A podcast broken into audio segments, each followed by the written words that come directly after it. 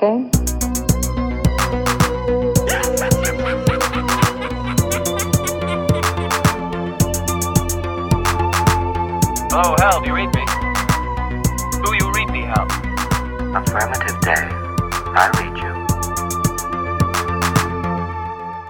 Gremlin Strike Back, aflevering 37. Welkom allemaal, onze trouwe luisteraars van de filmpodcast bij uitstek.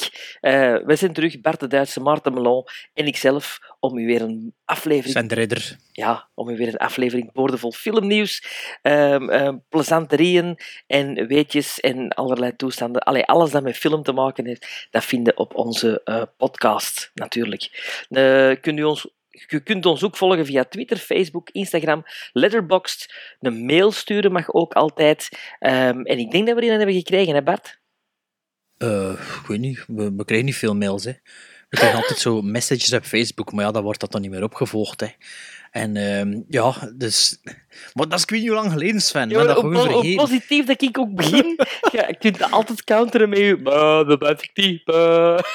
Precies, ik sta er raken. We zijn al, we zijn al gewaarschuwd, hè, Sven. We zijn al gewaarschuwd op voorhand, want Bart zit blijkbaar in een soort van asshole-modus. Ah ja, dat is waar. Dat is waar. Nee, nee.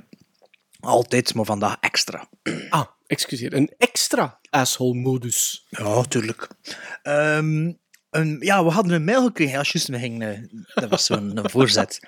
Uh, ja, maar het is al lang geleden. Hè. En uh, kijk, ik wou eigenlijk een andere brugje maken, maar ja, Sven had dat natuurlijk niet door. Uh, omdat hij naar Beauty and the Beast geweest was. En ik wil ook weten wat hij ervan vond. Want die speelde al even wel, maar ja, speelt nog altijd. Die speelt nog altijd en het was het uitgelezen moment om te gaan zien, want het was keigoed weer. Dus weinig volk in de zaal. Um, ik met mijn dochter daar naartoe. Um, ik was een grote fan van een tekenfilm van zoveel jaar geleden, ik weet niet, 92 zeker. Eerst een tekenfilm die ooit ge-Oscar genomineerd is voor beste film ook. Um, en ik moet zeggen, ik was helemaal op dezelfde lijn als die tekenfilm. Super content van Beauty and the Beast. Van begin tot einde perfect gevolgd op de tekenfilm. Uh, misschien een extra muzikaal nummer dat ook in de stage musical zit, dat ook niet in een tekenfilm zat. Hebben ze ook in de film erbij gebracht. Goeie vertolkingen van Luke Evans, Kevin Kline, Um, wie, wie vond ik nog? Hugh McGregor. Ja, die vond ik niet zo speciaal, eerlijk gezegd. Maar ik heb het nooit niet zo voor Ewan McGregor gehad. Ik vind, als ik moet kiezen tussen Ewan McGregor of James McAvoy, dan is er één schot te veel voor mij. En dan kies ik... Ja, ze trekken dan ook nog een beetje op elkaar, dus dan, dan kies ik voor James McAvoy. Maar bon, um, wie vond ik nog leuk in de film? De, allee, de, de, de, de Beast zelf. Ah, ja, die van de guest, Die van de guest, Dan ja, Stevens, ja, Vooral als Beast, want vanaf dat hem getransformeerd werd, vond ik het, wow, wow, vond ik het niet echt zo'n een, een, hunk voor die rol. Maar hij speelde die Beast wel heel goed. Emma Watson, een klein beetje overroepen. Wow, ik zie die niet zo graag bezig. Maar overal vond ik het een hele leuke, toffe musical, zoals het hoort te zijn. Bill Condon, lots of kudos to you as a director. Wat had hij nog gedaan, die uh, regisseur? Uh, Bill Condon. Dat, ja. Uh, ja, zo van die Engelse, Engelse toestanden. Zo. Downtown Abbey of zoiets van die dingen. Of, ja, zo'n ding is. Maar ik vond. Hallo, hallo. Uh... Nee, nee, Engelse films. Engelse films. Maar, maar ja, ik... ik heb hem ondertussen ook gezien. En ik vond, wow, ik vond, man, ik vond hij niet tof. Ja, jij vond het niet zo goed, hè? Nou, maar, ja, ik ken ook de, de film. Dat is één, mijn zus, tevens luisteraars, had drie, had drie VHS-cassettes. Uh, Titanic de andere heb ik al een keer gezegd, wat was het weer? The Lion King ja, en Beauty just... and the Beast. En ja, oh ja, er was zoveel opgezet bij ons thuis dat ik van die drie films eigenlijk, net die goede Titanic, heb ik ook nog altijd niet helemaal gezien. En ik weet ook niet of ik de tekenfilm van begin tot einde gezien heb. Ik heb wel de uh, Cocteau, was het Cocteau-versie van 46 gezien. Met Jean Marais. Ja, en die is wel heel cool. Donker, donker. Ook letterlijk, want het is een zwart-wit film. Uh, met veel clair-obscuur. Um, de reeks, ja, de reeks dit... met Linda Hamilton en Ron Perlman ooit gezien? De uh, eerste seizoen heb ik gezien. Ik heb dat zien staan in de videotheek, maar ik heb dat nooit gehuurd. Ja. Uh, maar dus ja, pff, ik kan, moet zeggen, na een half uur uh, was ik niet meer echt aan het opletten. Ja, maar jij bent sowieso geen musical-fan, hè Bert? Maar nee, maar ik wist ook niet dat dat echt zo'n musical was. Ja, maar ogen wist dat af en toe liedjes was. Die ja. Maar die tekenfilm is toch ook een musical? Dat was in de ik periode, dat liedjes in zijn, dat, was in de periode dat Disney zichzelf heeft heruitgevonden. Little Mermaid, eh, Beauty and the Dat heb ik ook Beast. nooit gezien. Nee, Beauty and the Beast en Nee. Aladdin. Die drie films met muziek van, van Alan Menken en lyrics van Howard Ashman hebben eigenlijk Disney zo'n beetje terug op de kaart gezet. Oh, vond ik Touwtan en de Toverketel toch tof. Ja, maar geen ik musical. Eh, Vanaf, vanaf Little Mermaid zijn ze echt. Ah, wel, begonnen misschien in een dipken, hè. Er Ja. Disney in een dipken, hè. in de mid-80s. Ja, Was ja, dat een eh, donkerdere. Disney-film dan die film? Niet, Denk al- ik niet alleen in een dipje, die waren op de rand van failliet. Hè. Nochtans, als een parels als Konderman gemaakt. Parels. Ehm, maar eh, wat, ik dus, we- wat we dus een mail voor kregen, maar het is al even geleden, eh, was eh, iemand die vroeg wat we vonden van de, eh, was van de sprookjes-remakes, of van de letterlijke Disney-remakes. Ja, de echte Jungle live-action remakes. Wat hadden er nog? Jungle Book mal, mal, Malfunction? Nee, Maleficent. Maleficent. Maleficent. ja, Malfunction. Eh, wat had, maar er is er nog wat, hè? Eh, Jungle Book. Hey, dat is toch wat? Ik ben er vrij zeker van dat ik daar nog nooit niks van gezien heb. Ja, maar hij had dan ook natuurlijk Snow Cinderella, White. Cinderella, Mirror Ik Mirror. vind, ik vind eh, één, ja. nee, één vind ik supergoed. Maar is dat, dat is de Hansel en Gretel. Of eh, Witch Hunters. Dat Hansel, Hansel en Gretel Witch dat Hunters. is geen letterlijke remake. Met hè. Jeremy Renner. Ja, met Jeremy Renner. Dat is, dat is echt... Heb je dat gezien, maar? Nee. Dat heet Sven? Nee, nou, van Helsing durf ik dat eigenlijk niet zien.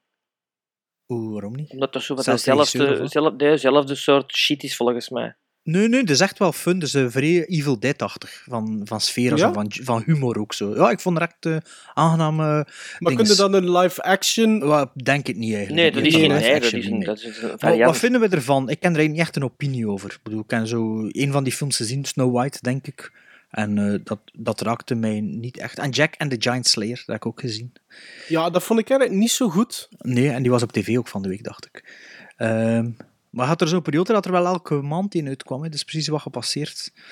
Eh, Ja, nu, nu, Maar nu zijn ze... het ding is, Pete's, Pete's Dragon, is dat, Ah, ja, kunnen we ja. daar ook niet... Ja, dat is ook een Nee, dat is- live-action remake, ja. hè? ja, maar niet van een tekenfilm. Hè? Van een, Ah, wel nee, want ja, nee, inderdaad, Van- dat was eigenlijk ook geen, geen tekenfilm. Ja, het is juist. nee, Nee, nu zijn ze Aladdin aan het remaken, hè, met, met Will Smith als eh, genie in, in als de battle. papegaai. Nee. Ja? Ja, ja, die gaan ze nu eh, eh, allee, als film remaken. En, en er zijn ook eh, Lion King wordt ook eh, getypt als mogelijke remake met Jungle Book-achtige dieren CGI-wise. Ja, wel, dat- maar ik vond de, de, de CGI van de dieren van Belle- eh, Beauty and the Beast vond ik echt niet goed. In Welke vergelijking met, dieren? de- welke met dieren? Jungle Book. Die wolven. Die wolven die rond die het zijn, paleis die zijn even goed of even slecht als, als wolven in, in Wolf of in The Grey. Nou, nee, ik vind dat niet. Maar ja, zwart, kom, on with the show. En er is ook iemand dood. Now I am become death, the destroyer of worlds. I should have expected to find you holding Vader's leash. I recognized your foul stench when I was brought on board. All our times have come. Little surprises around every corner, but nothing dangerous. I don't know where you get your delusions, laser brain. Read it.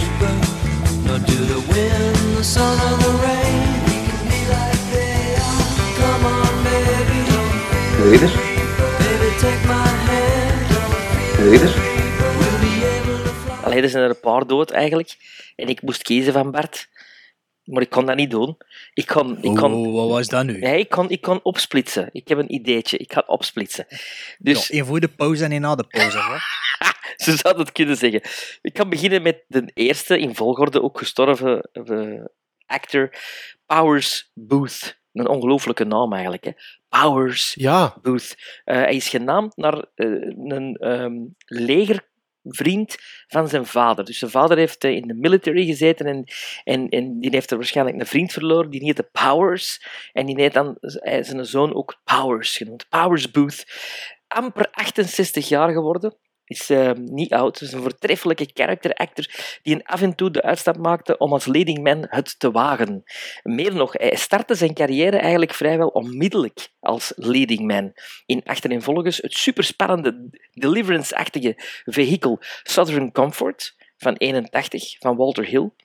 In 84 A Breed Apart met Rutger Hauer. En dan ook nog in 84 Red Dawn. Naast de horde Brad Pack jongeren. En ook nog in het prachtige en onvolprezen The Emerald Forest van 84 van John Borman. Dus vier, allee, nou, ja, vier hoofdrollen op rij. Is Southern Comfort ook niet van John Borman? Of is dat Nee, omdat dat de Walter Deliverance Hill. Dat is, dat is Walter Hill. Ah, Walter Hill, ja. Maar dat is Deliverance. Dus, ja. Maar dan zo ineens nog vier hoofdrollen te hebben gespeeld, in, in eigenlijk vier sterke films, maakte hij de switch naar televisie. En ook met veel succes, want hij werd Philip Marlowe in elf televisiefilms tussen 83 en 86. Maar dat is dan ook waarschijnlijk zijn doodsteek geweest als leading man op het witte doek. Want daarna heeft hij eigenlijk nooit meer een hoofdrol gespeeld. Hij schitterde wel in elke film als Second Banana. Eh, The Bad Guy met Smoel. De, de, de, de, de, elke scène waar dat hem in zat, die stal hij zonder moeite van zijn tegenspeler. Ik denk dan aan Extreme Prejudice, naast Nick Nolte. Rapid Fire, Fire naast Brandon Lee. Tombstone, naast Kurt Russell. En Sudden Death, naast JCVD.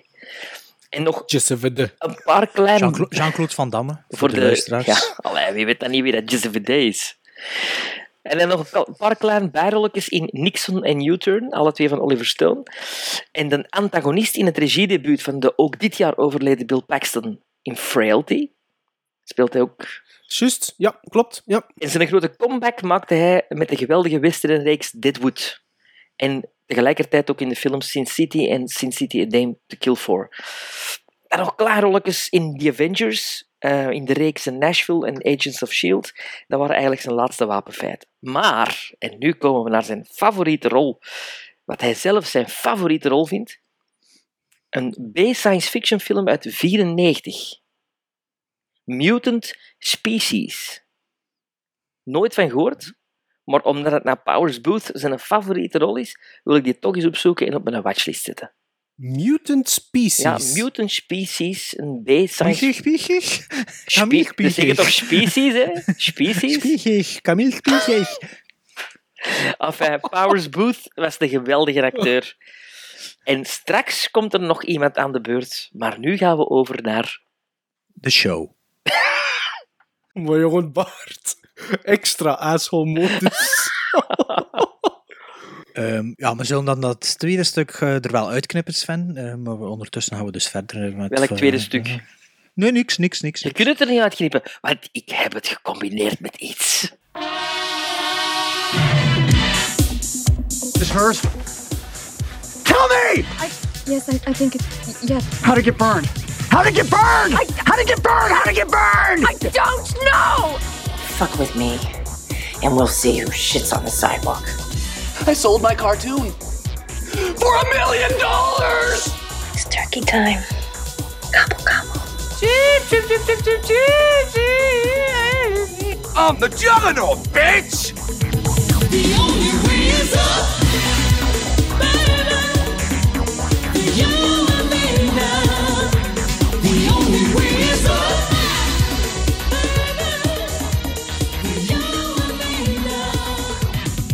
Movie Redemption. We hebben een nieuw item dat we voor de eerste keer eigenlijk gaan doen in deze afleveringen. eh, in deze aflevering. Ehm, goh, we zullen nog eigenlijk aldoende de regels wat uitbreiden, maar voor deze eerste keer hebben we ervoor gekozen om eh, dat we elk zelf een film kiezen die we tijdens een eerste kijkbeurt niet goed vonden, om na te gaan of dat we nu, met dat we de film opnieuw hebben bekeken, eventueel wat milder zijn geworden. Hadden we dat al geïntroduceerd de vorige aflevering, of niet? Ja, niet meer. ja, ja. Ah, wat Ja. dan aangekondigd. Ah ja, oké. Ja. En eh asshole Bart mag beginnen. Oh, moet ik beginnen? Shit, ik zit totaal niet voorbereid. Ehm, wacht, ik ga even mijn blaadje bekijken. Ik kan niet door dat ik moest beginnen. Leg nog een keer de regels goed uit, maar ik denk niet dat dat vrij duidelijk was voor de luisteraars. Oh, oh ja, ja, Bart. Bart. Dus we kiezen, we hebben dus elk een film gekozen dat we niet goed vonden tijdens de eerste keer dat we hem gezien hebben. En die geven we eigenlijk nog een tweede kans. Om te kijken na een tweede kijkbeurt of dat die misschien iets beter geworden is. Ja, dus ja, maar het is wel... We kiezen, allee, ik toch, we kiezen wel iets dat je wel nog her, wil herbekijken. Niet per se. Allee, ja, ik kan niet... eh, Zodanig niet Nee, halen, die hè. Iraanse films van u, Bart, die ga ik dan niet met plezier terug bekijken. Ik Die... heb onlangs nog geen bekeken. eh. Oh, jongen, dat was dan is ook de laatste. Echt waar. Ehm, nee, dus er was wel een, het was wel een film dat we dus wilden herbekijken en nog een kans wilden geven. Omdat we het ofwel goed wouden vinden voor een of andere reden, of ja, gewoon... Of zoals in mijn geval, ter vervollediging hebben we herbekeken. Eh, ik heb een film eh, herbekeken, dat is hier ook plezant voor de West-Vlaming. Eh, herbekeken.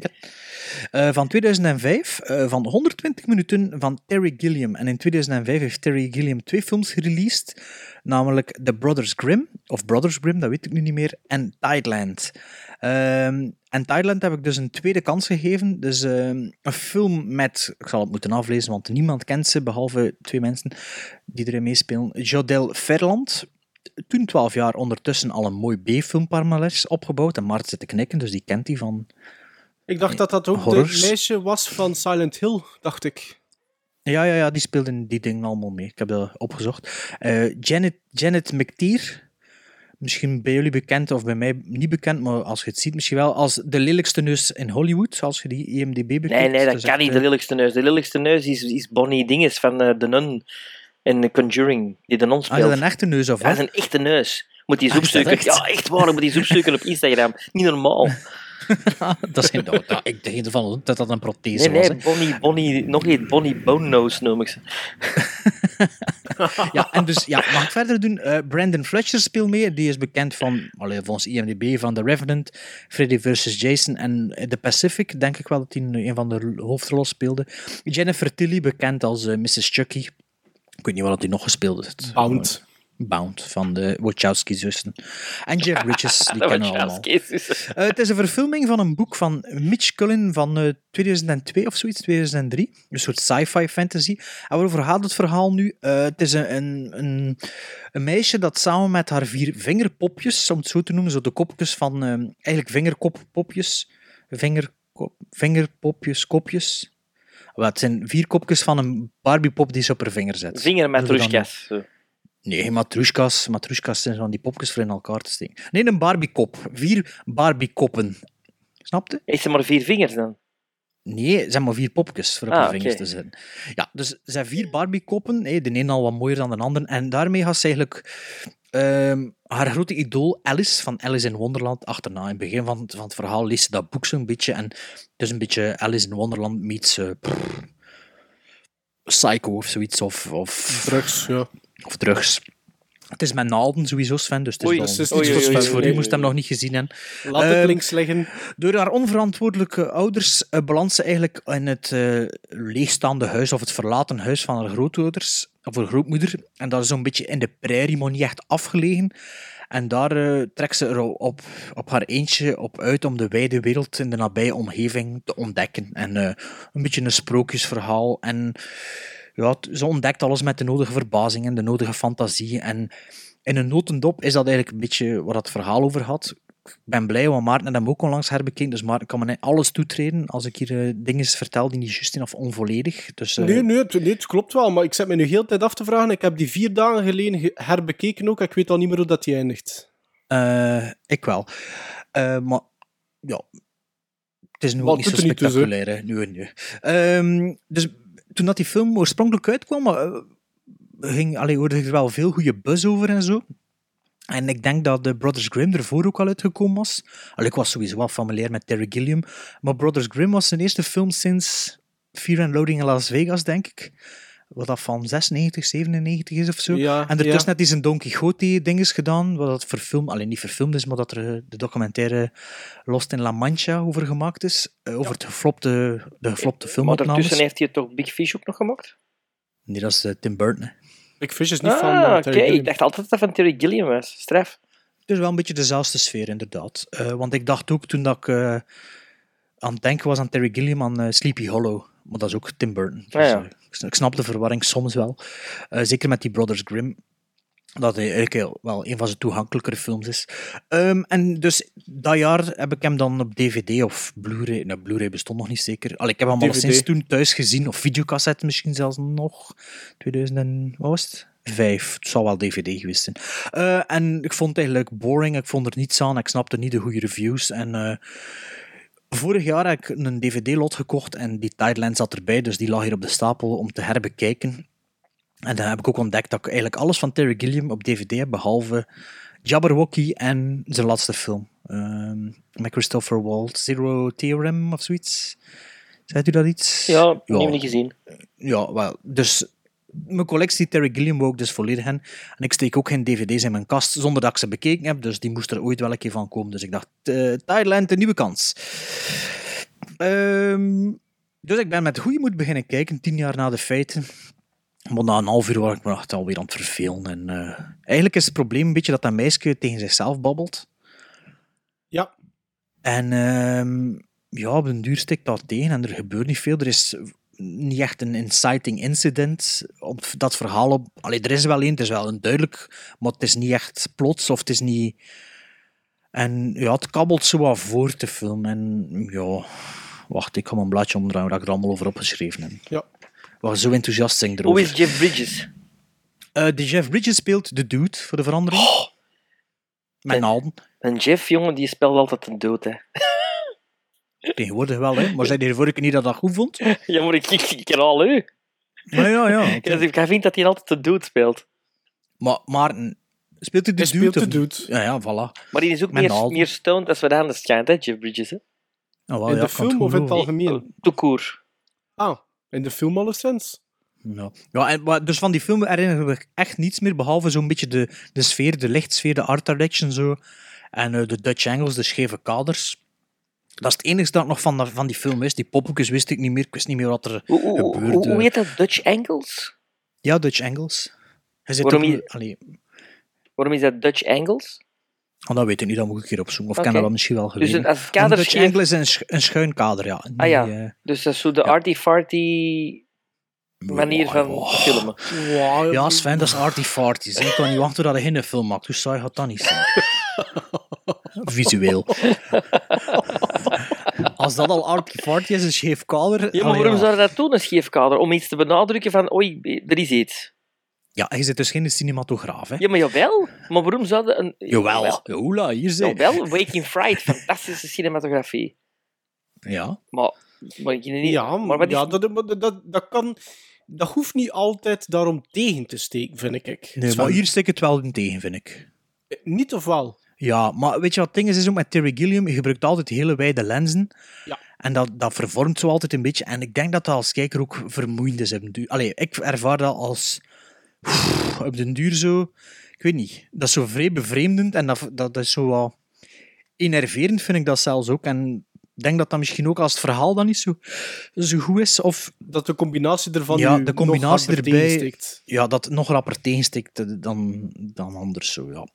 Ja. Ehm, ja, dus... Ja, kijk, ik zeg, ik vond het was gewoon van licht, gewoon van art direction, altijd met Terry Gilliam. Maar het verhaal zelf, ja, kon er niet veel mee. En eh, ja, ik geef het nog altijd...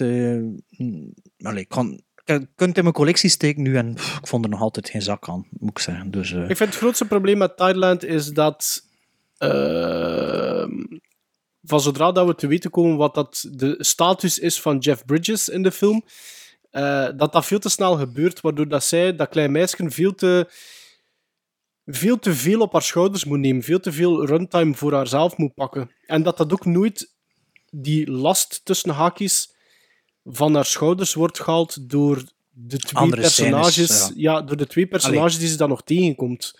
ja. Ehm, Voilà, ja, inderdaad. Het zijn constant, op- volgens mij is het is- elke is- scène.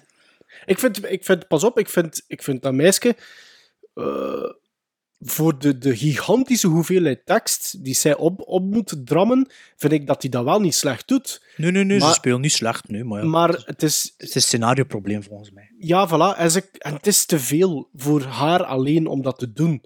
Je hebt meer nodig, ook als kijker, al is maar voor even weg te zijn van haar. Eh, Mhm. Ja. Voor wat ver- verademing, weer op adem te kunnen komen. Eh, misschien ik een- ben blij dat hij ook de film bekeken net zodanig dat, we, dat hij wat Ja. kunt vertellen erover. Ah, maar ja, ja, nee, ik wou hem eigenlijk ook al... Nee, sorry, ik, ik heb hem zelfs niet herbekeken. Hè. Dat was de eerste keer dat ik Thailand zag. ah ja, en nog iets, Ehm, nog iets. ja. Ja. hij zei dat het zelfs had. Ik heb dus zo'n eh, quality film collection. En ik zei dat vorige week tegen Maarten, want ik kwam Maarten op straat tegen toevallig. Jop. Dat ik, eh, dat ik die bekeken had, die versie. En dus die quality film collection, dat is dus gewoonweg de verkeerde aspectratio. Hè. Kunnen dan niet geloven dat, u- dat, ja. dat, dat de uw dinges, uw company quality film collection noemt en dat er zelfs de, op uw dvd de verkeerde aspectratio zit. So much for quality. Ja, ik Ja. denk zelfs dat de Seven Samurai op ehm, Quality Film Collection ook de verkeerde aspectratio is. Dus En wat is dat, Allee, een. Frans bedrijf of zo? nee, A-film, hè. A-film? Amsterdam. Amsterdam. Allee, dat bestaat niet meer zeker nu, hè. A-film. Zijn die niet terug? Dat, was, Ja, dat is al sinds verdwenen. Of dat dat nu nog altijd is? Waarschijnlijk wel, zeker. Ja. Waar dat ze in die dozen is, Vende, zo Ja, met, met die... zwarte, van- zwarte ja, die art, arty-farty films. arty hè. farty doosjes, hè? Ja. Met een verkeerde aspectratio. Voilà, there, Ehm, there ja, you go. kijk, eh, ja, eh, ik ken, de, ik ken eh, die film ook wat gizmos gegeven. Ik heb hem vijf gizmos gegeven. Omdat dat zo'n beetje mijn standaard is voor dingen. Allee, weet je wel, kan, ik kan Terry Gilliam de, kan die als regisseur wel appreciëren. En die heeft zijn eigen identiteit en die, die heeft een visuele stijl. En dat is, die, die, doe- die gaat niet mee met de meut en die blijft zijn eigen ding doen. En soms valt dat goed mee, soms valt dat tegen. Soms is dat, allee, meestal niet, maar Wanneer is dat soms is dat een commercieel succes. Eh, pff, ja. Brothers Grimm vind ik wel oké, ze. ja, ik vond dat ook wel wat tegenvallen. Maar op het einde Ja, allee, soms bij- het duurde wat met- te lang. ik- Ja, voilà. Ik heb met Gilliam vooral het probleem dat hij... Ik vind die weinig van zijn films doorheen de Hans de runtime echt boeiend blijven. Ik vind dat, die, dat er altijd stukken in zijn dat ik zo... Oef, Nee, dat ik denk- zakt. Ik denk wel dat Terry Gilliam, als die doodvalt, al zo misschien binnen 20 jaar zo um, erkenning gaat krijgen dat hij nu nog niet krijgt of zo. Dat kan. Dat kan. Ik kan niet zeggen dat hij een type slechte films maakt. Ook. Nee, hoor. ja. En hij Fisher, heeft de, wel- de Fisher King vind ik fenomenaal, maar dat is wel de enigste van hem.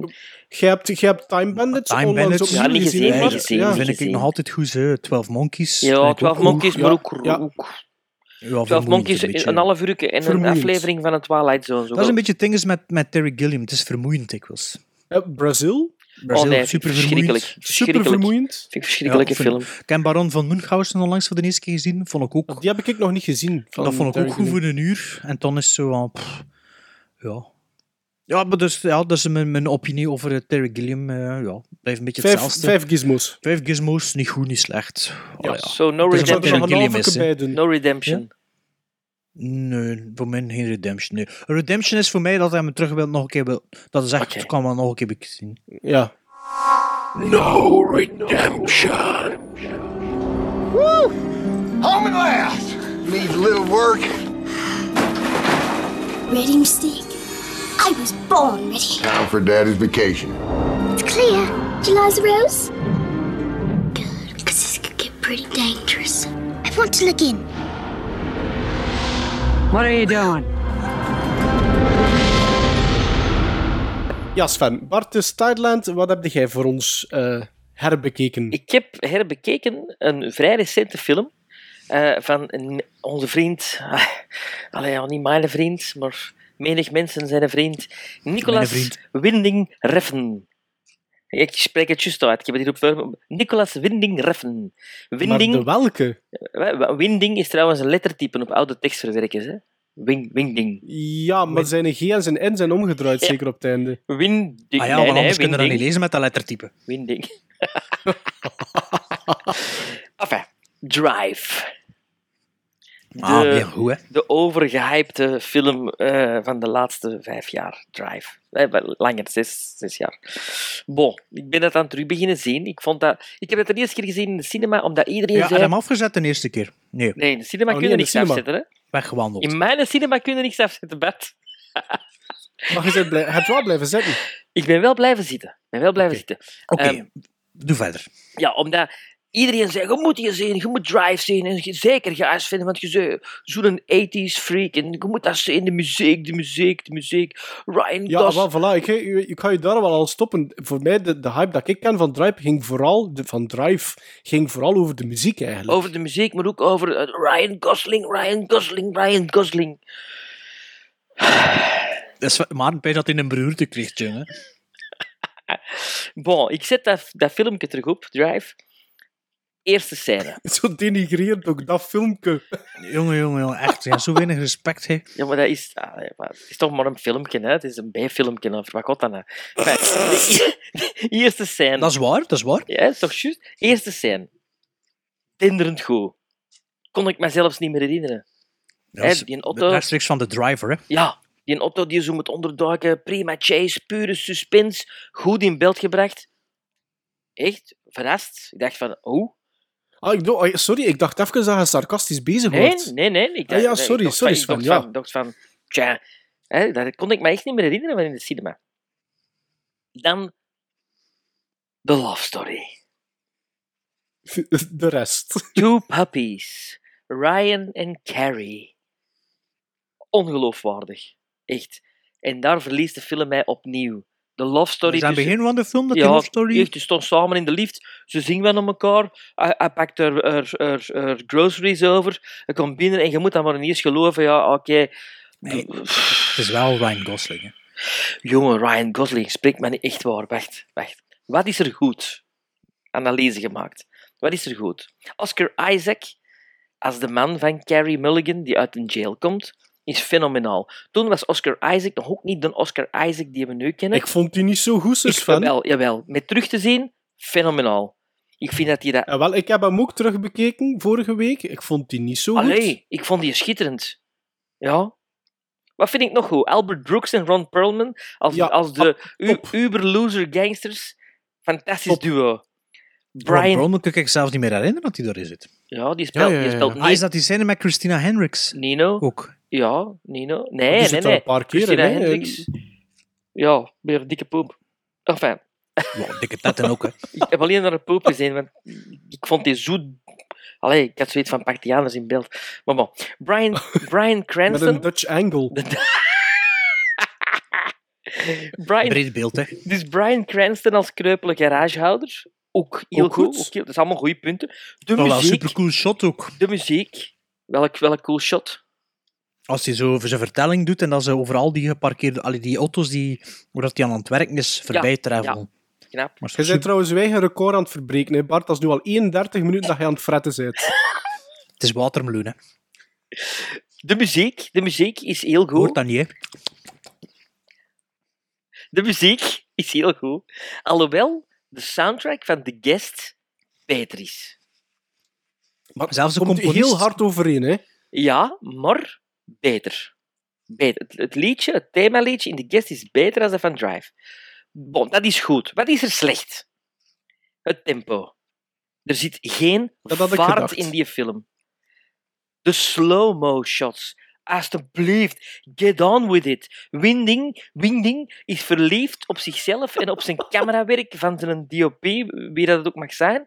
Maar stop met die slow-mo, alsjeblieft. Nog een slow-mo, nog een... Ik word er zot van. En daardoor komt er geen vaart in die film. Ryan Gosling probeert Nicolas Cage te zijn uit Wild at Heart. Hè?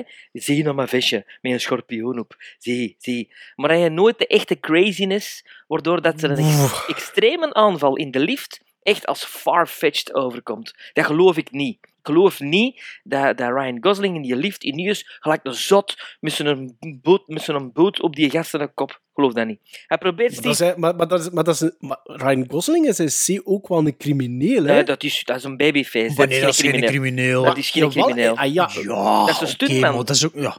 Een stuntman Ja. die in heel de film geen revolver... Ik pak geen revolver vast. Ik pak, hij pakt, Iedere keer pakt hij een mes vast. Eenmaal op tende. En voor de rest... Alles zo... Nee, nee, nee. Hij probeert Steven McQueen te zijn, maar hij heeft niet de looks, nog de blik, nog de stem om gevaarlijk over te komen. Probeert dan nog eens even Stallone te zijn uit Cobra, met een tandenstoker in plaats van met een lucifer tussen zijn tanden. Allemaal referenties die voor mij nergens opslaan. Het oeverloos ballen van de vuisten.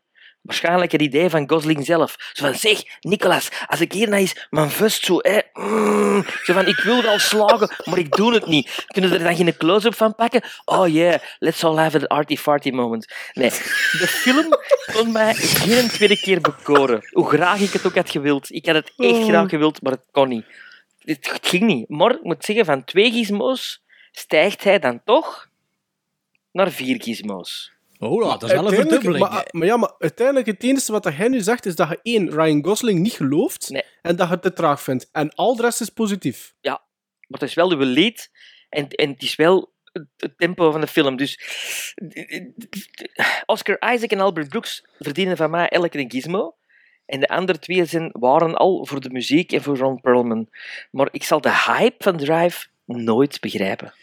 Maar ja, hoeveel hadden er op voorhand van gehoord? Want ik kan er echt wel niet... Allee, één iemand had gezegd, ja, dat is echt goed, dat is echt een verrassing. Iedereen zei ik tegen mij, je moet dat zien, je moet dat zien. Over wat god dat, over wat god dat, die film. Maar ja, dat, allee, ja. Dat is wel like dat is echt een B-film, hè. Oh ja, het Ah, is... wel, maar een B-film die dan toch wel overhyped wordt, hè. Ja, ik vind dat een gestileerde B-film, ik vind dat echt wel goed. Hè. Ik vond dat het beste film dat ik dat jaar gezien heb. Ik, ik heb het twee keer in de cinema gezien.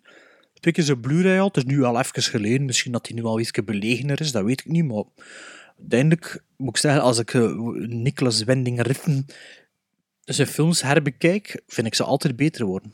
Ik vind dat met de Neon Demon vind ik... Uh, nee, Neon Demon niet dat andere. Uh, toch niet, to, toch niet, toch only, niet. Only God oh, Forgives. Nee, dat is de tweede keer zeker beter dan de eerste keer. Oh. Dan, um, ja, ik weet niet wat hij dan nog gedaan onlangs, of ervoor.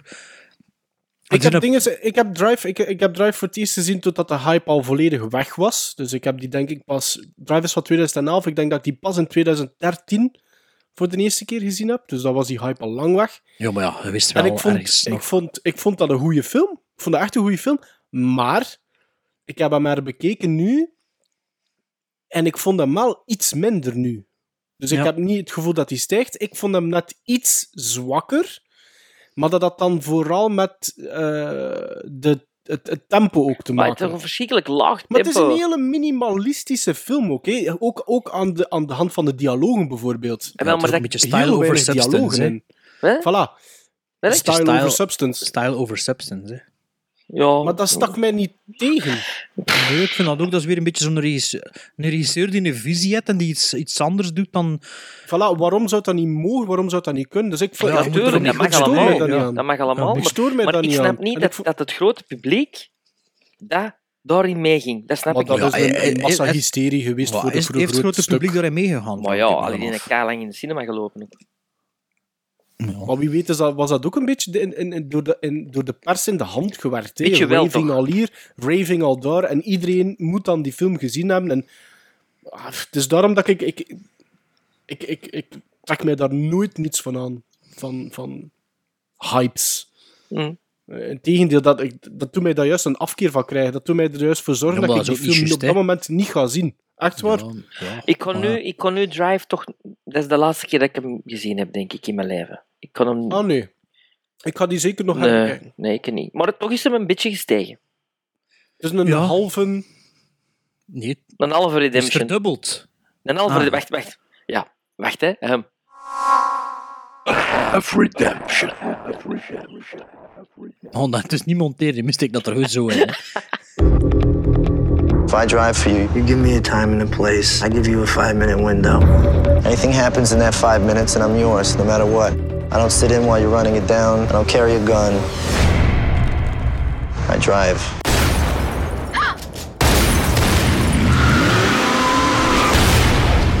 Do you remember this? No. For the rest of your life, you're going to be looking over your shoulder. Hi, ik ben de genaamde Wim Albrook en u luistert naar Gremlins Strike Back of zoiets.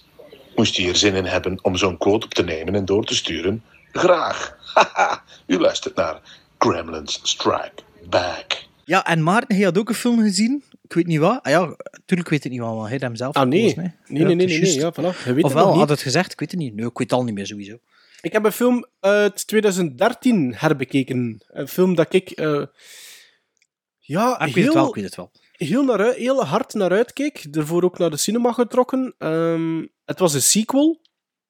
Een sequel op een film die gereleased was in 2010. En de eerste film heette...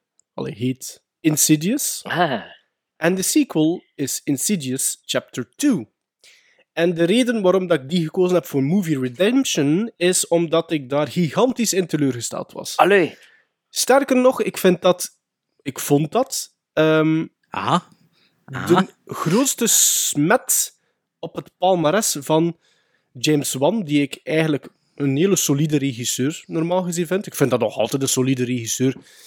Maar Insidious Chapter 2 vond ik echt slecht. Ik ben zo teleurgesteld uit die zaal gegaan. En dus dacht ik van ja, ja we geven hem nog een tweede kans. Hè. Ik heb die dan op Blu-ray gekocht. Het, is, het probleem is gewoon een beetje van Insidious en Insidious 2, als je het daarover wilt hebben, is het heel moeilijk om te doen zonder spoilers. Omdat ik eigenlijk daar aan de hand daarvan moet uitleggen waarom dat ik dat zo'n slechte film vind. En spoiler alert, voor straks dan, ik vind hem nog altijd rete slecht. Allee.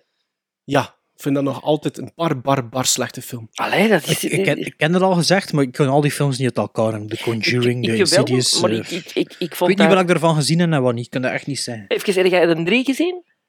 Nee, nee, nee. Ja. Nee, Ik ben gestopt, ja, nee. Ja, dat, dat- d- ik denk dat zij een vaste scriptpartner dan regisseur was van... Is het Lee Wano die de derde geregisseerd heeft? Ik weet het niet juist. Nee, maar ik ben afgehakt na twee. Ehm, Dus maar even, even het recapituleren. Hè, op het einde van één... Ah, wel, kijk, is, ik, dus spoiler alert voor, degene, voor de mensen, de luisteraars die nog nooit Insidious, Insidious 2 hebben gezien, die dan nog van plan waren, die niks willen weten van het verhaal, spoelt gerust even door. Op Wat was einde- dat nu voor onze luistercijfers? Allee.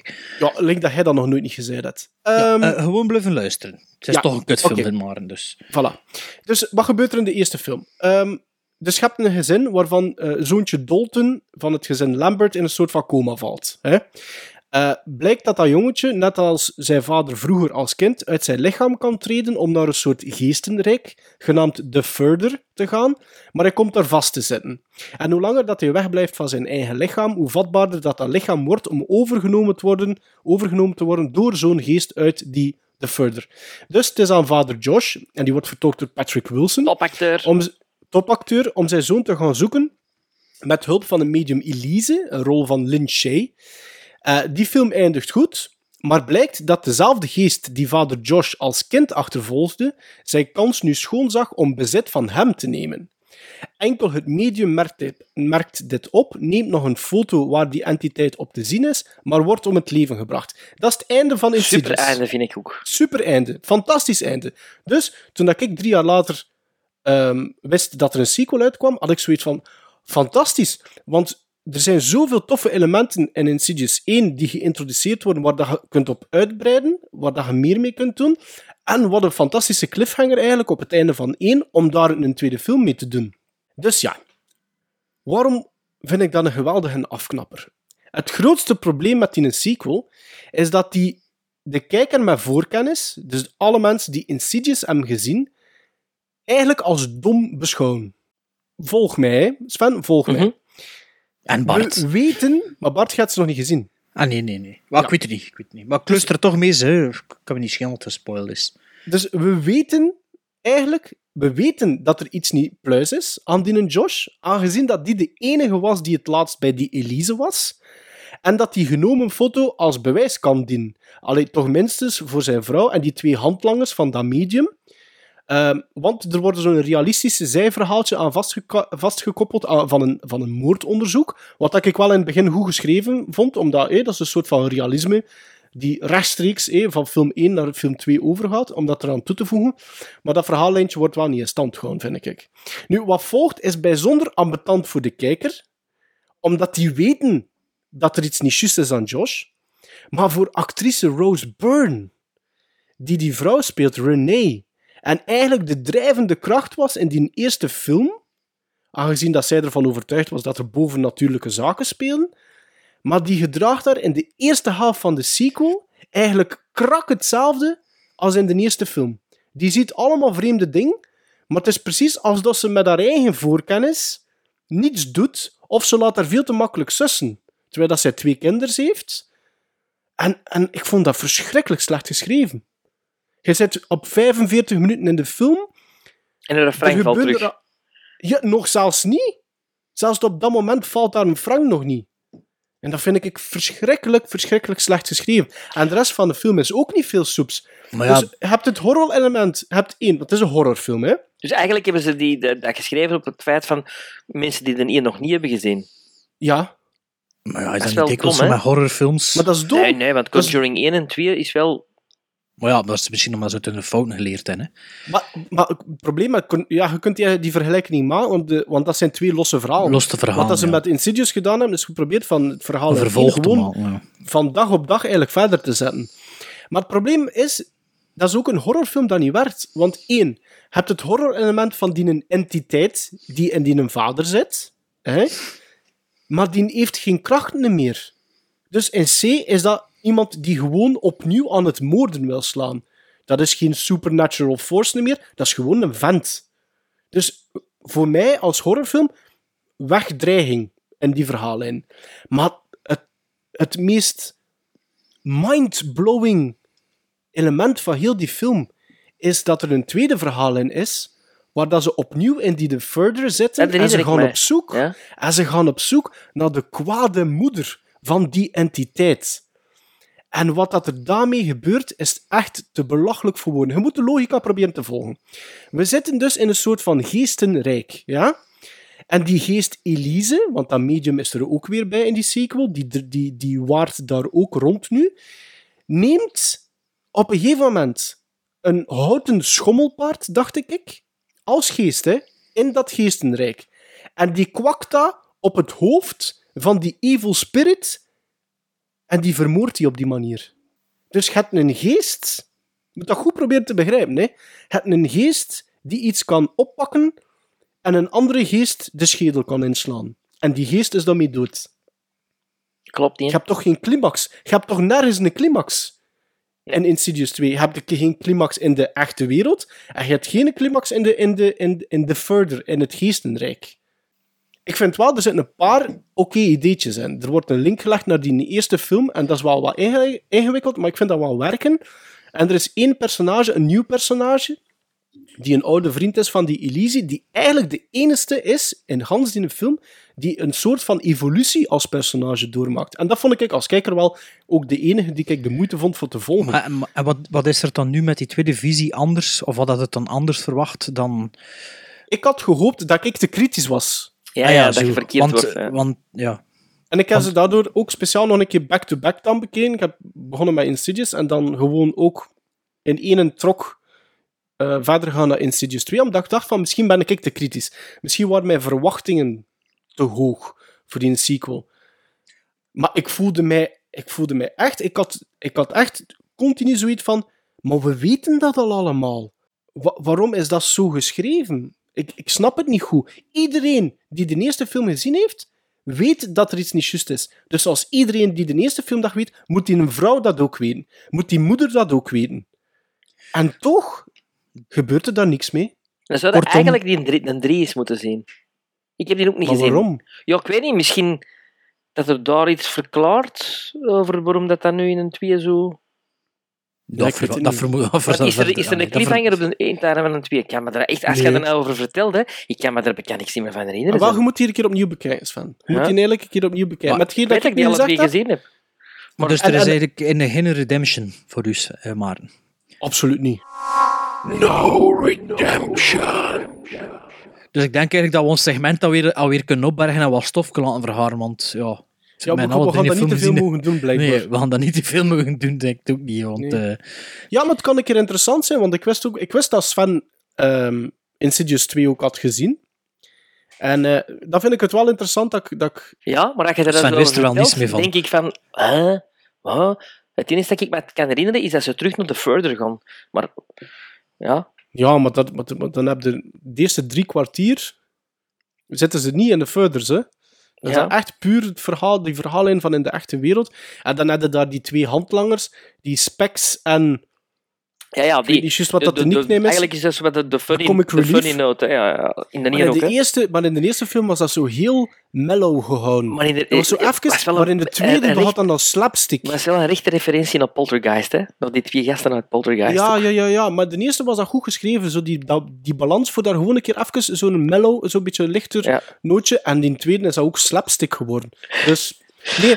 Kijk, eh, ik gaf hem na de eerste viewing 1,5 op 5. En nu zou ik hem 2,5 op 10 geven. Dus oh, nog wacht, altijd 1,5 een misser op van 5, formaat. dus 3 op 10. En nu hoeveel op Gizmos? Oh, maar pak dan 2. Oh, minder. 1,5 Pak 2. op op 10. 5 en, En nu 2 op 10. dus nog, nog meer gezakt. Ja.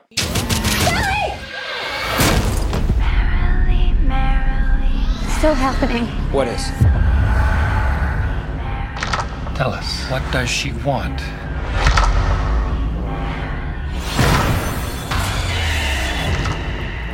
I heard voices in the hallway. Is there something wrong with Daddy, Mom? Zeg, dan denk ik dat ons, ons volgende segment wel een positief iets is. En nu een positieve jingle. Jij zo aan het moeien met die bumpers en jingles, Ja, is van. ja, je bedoelt eigenlijk gewoon dat we, dat we een nieuwe Stockholm-syndroom moeten eh, lanceren. Dat bedoel ik, hè? Ah, wat zit dat er nog tussen? Oké. Stockholm-syndroom. Wat bedoelde je wel dan? U, u Hills Are Alive, of wat? Oh ja, dat zit er ook nog tussen. Hills Our Life. Nee, Ja, ik, bedoelde, ik eigenlijk ons nieuw segment is ook Ja, positief. ja, maar dat is voor straks. Dat is voor straks. Oké, Ja. dus mag het Maar even Rustig zijn, rustig. positief rustig. zijn. Eh, we zullen zien, hè. maar we gaan eerst wat verder. Eh het Stockholm-syndroom. Ja, eh, doe maar, gasten. Ik ga wat water drinken. Ja, doe maar Sven. Oeh. Kijk, als ik dat niet voorbereid voor een kikje, dan valt dat in het water. Nee, maar moet het Stockholm-syndroom. hè. Dus we gaan weer een film kiezen. Ieder gaat een film kiezen voor de twee anderen. Ja, het is, het is een kleine nuance nu. Is ik, is ik. Ik zit al We verkeerd. kiezen, we, ah ja, dat we kiezen films, We kiezen films. dat we alle drie nog niet gezien hebben. Juist, juist, juist, juist. Dat is het. Zeg, Wildenbraaf, zet ik er uw micro wat beter, want eh je valt, zit, zit wat ver precies. Maar ver? Dat, Ja, maar anders valt het overstuur. Nu goed? Zeg, gewoon je Bart. Maar ja, je zit hier te springen en te doen eh, Ja, in, die, is die, gewoon- in de hotelkamer van u daar in het verre Zuid-Afrika. En, eh, ik zit niet in Zuid-Afrika. Oh, Ehm, you're ehm, mixing up ja. the movies. ja, allee, Sven, je wordt aan het, aan het... Doe verder. Dus, een Stockholm-syndroom. Normaal kiezen de twee anderen voor de derde een film eh, die hem nog niet gezien heeft. Hè? Maar nu kiezen Nee, we... één voor de twee anderen. Hoe, Eén maar? iemand kiest voor de twee anderen, niet twee voor de één. Oeh. Ah nee, één Dat is- voor de twee. Ja. jongens, dat is dus het tweede jaar dat wij met die podcast bezig zijn en we kunnen het nog altijd niet uitleggen. omdat ik het niet heb geschreven en niet voor Het jullie. Je ziet dat, hè? Stockholm-syndroom nu is dat we alle drie een film gaan kiezen die we alle drie nog niet gezien hebben, maal drie. Dus drie films Ja. die we alle drie nog niet gezien hebben. Ja. Voilà, voilà. Hey. Heel goed. Ik kies... En dat eentje gekozen. Ja ik, ja, ja, ik wil al jaren de Black Hole zien. En dan heb ik het niet over een reeks Space. van...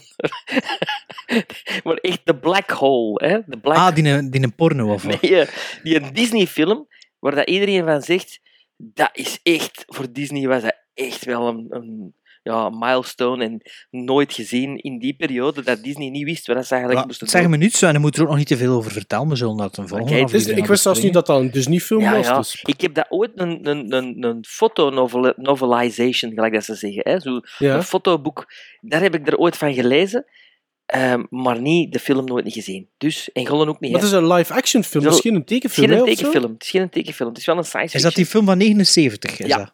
Met Anthony, dat echt... eh, Anthony Perkins. En, Van ja, Psycho. en Maximilian Ja. Schell.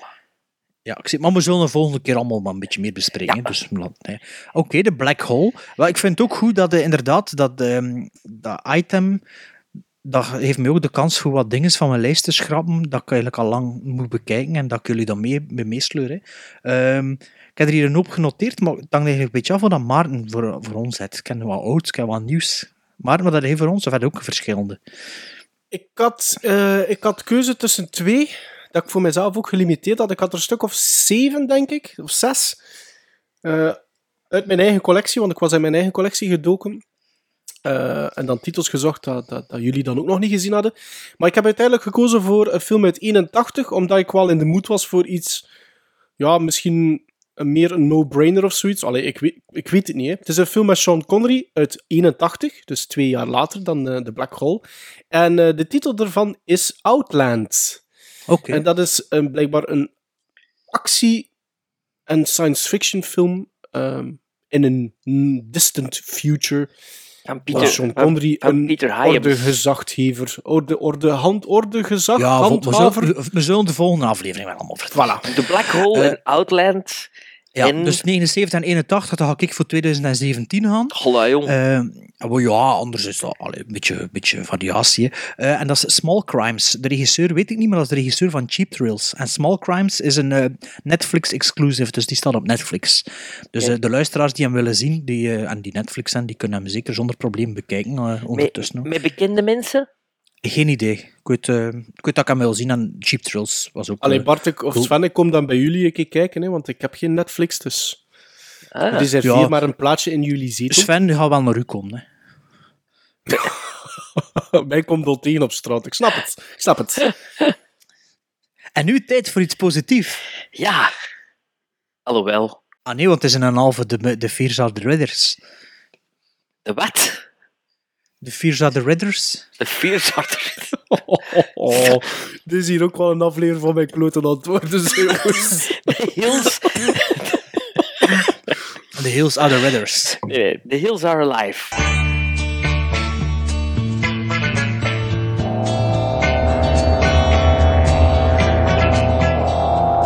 They wanted to see something different, but something different saw them first. The Hills.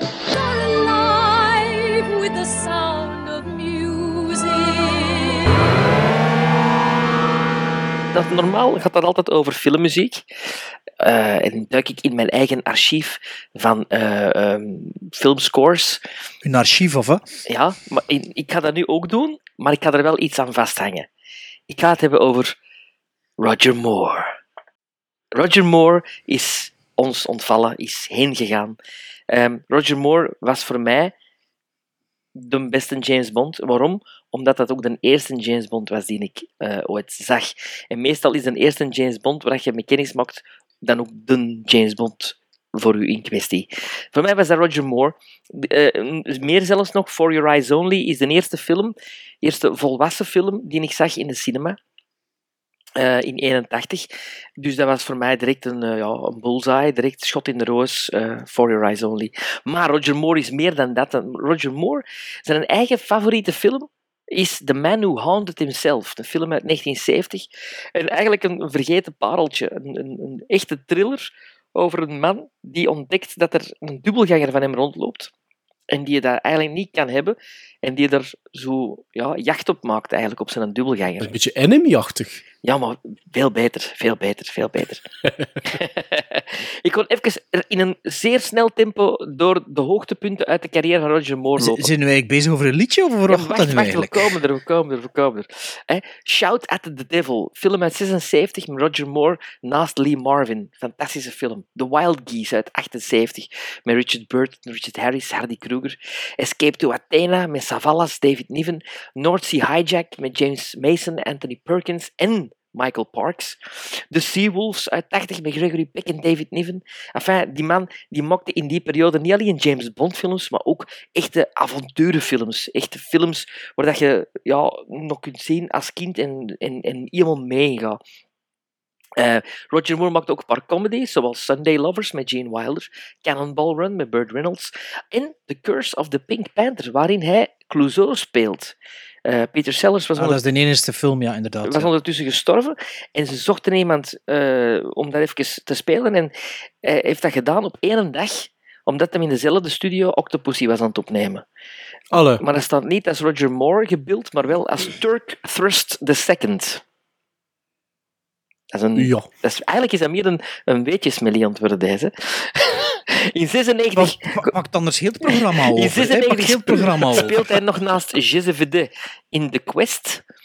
Eh, en dan is het zo'n beetje gedaan met zijn, met zijn carrière. Maar, maar, nu gaan we naar de muziek.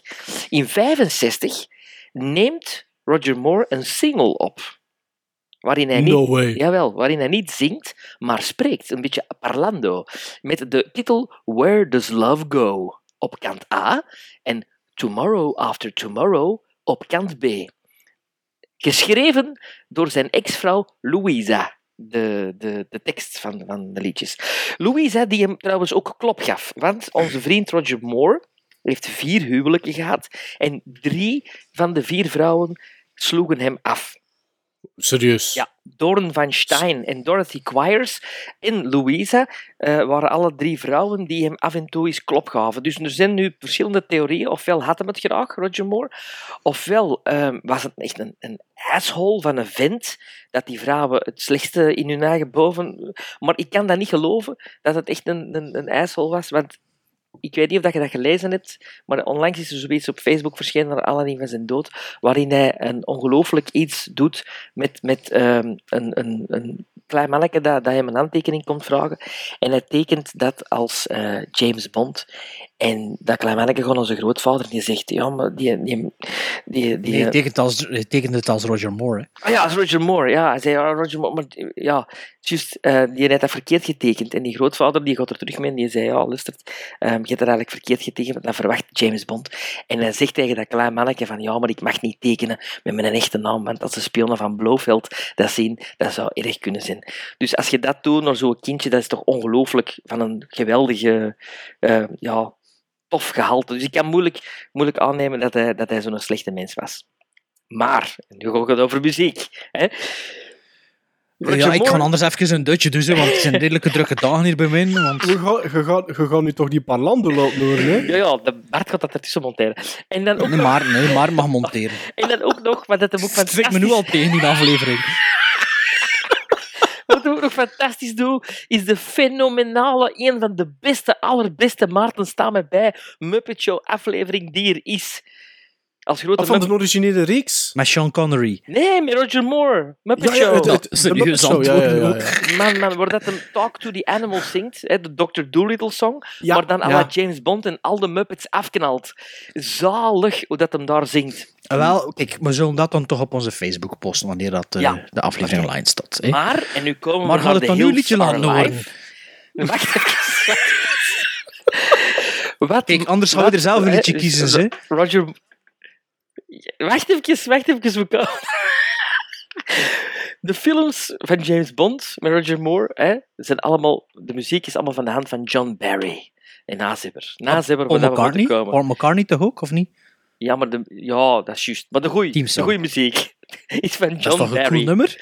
Ja, maar dat was van Wings. Wings met Paul McCartney. Live and Let Die. Ja, dat hij beter vindt dan de Paul Beatles. hè. McCartney. Ja, inderdaad. Dus John Barry maakte prachtige muziek. En nu mogen jullie kiezen, Maarten en Bart. Want mijn favoriete James Bond is For Your Eyes Only. En dat is een prachtig nummer. Maar in Octopussy, de All Time High, is ook een fantastisch nummer. Nu mogen jullie kiezen welk nummer we gaan laten horen. Of een stuk. Maar en, en die, die Parlando niet, of wat? Jawel, ook, maar een beetje. Maar Ook? Gewoon, maar gewoon For Your Eyes Only of Octopussy. Als ultiem eerbetoon. Kies. Ik ga, ik, ga, ik ga voor For Your Eyes Only, want dat vind ik zelf ook een goed nummer. Oké, Ik voor Octopussy, dus we mixen dat. We doen ze alle twee een stukje. Hé, is dat goed? Dat is heel goed.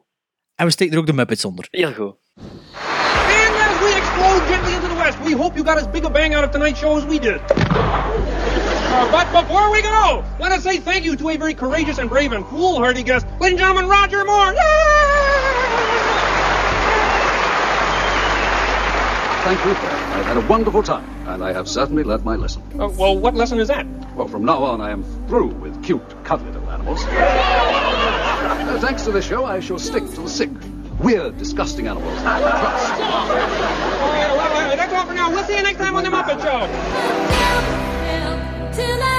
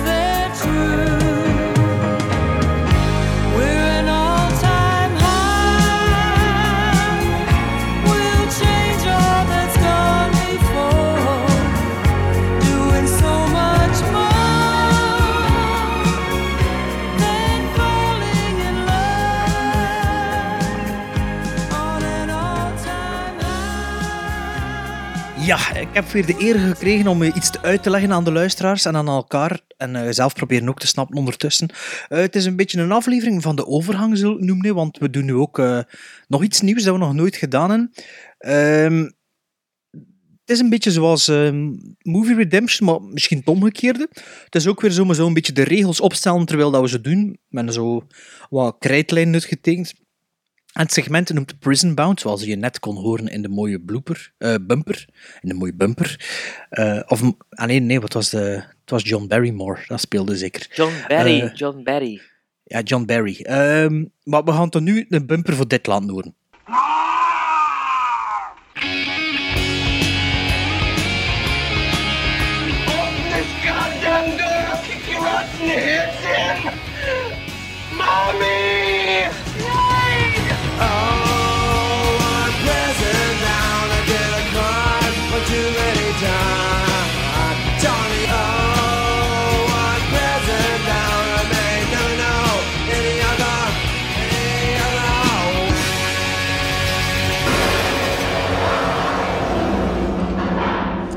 Dus Prison Bound is ons nieuw segment. Of dat een succes zal zijn, zal de, de ervaring uitwijzen.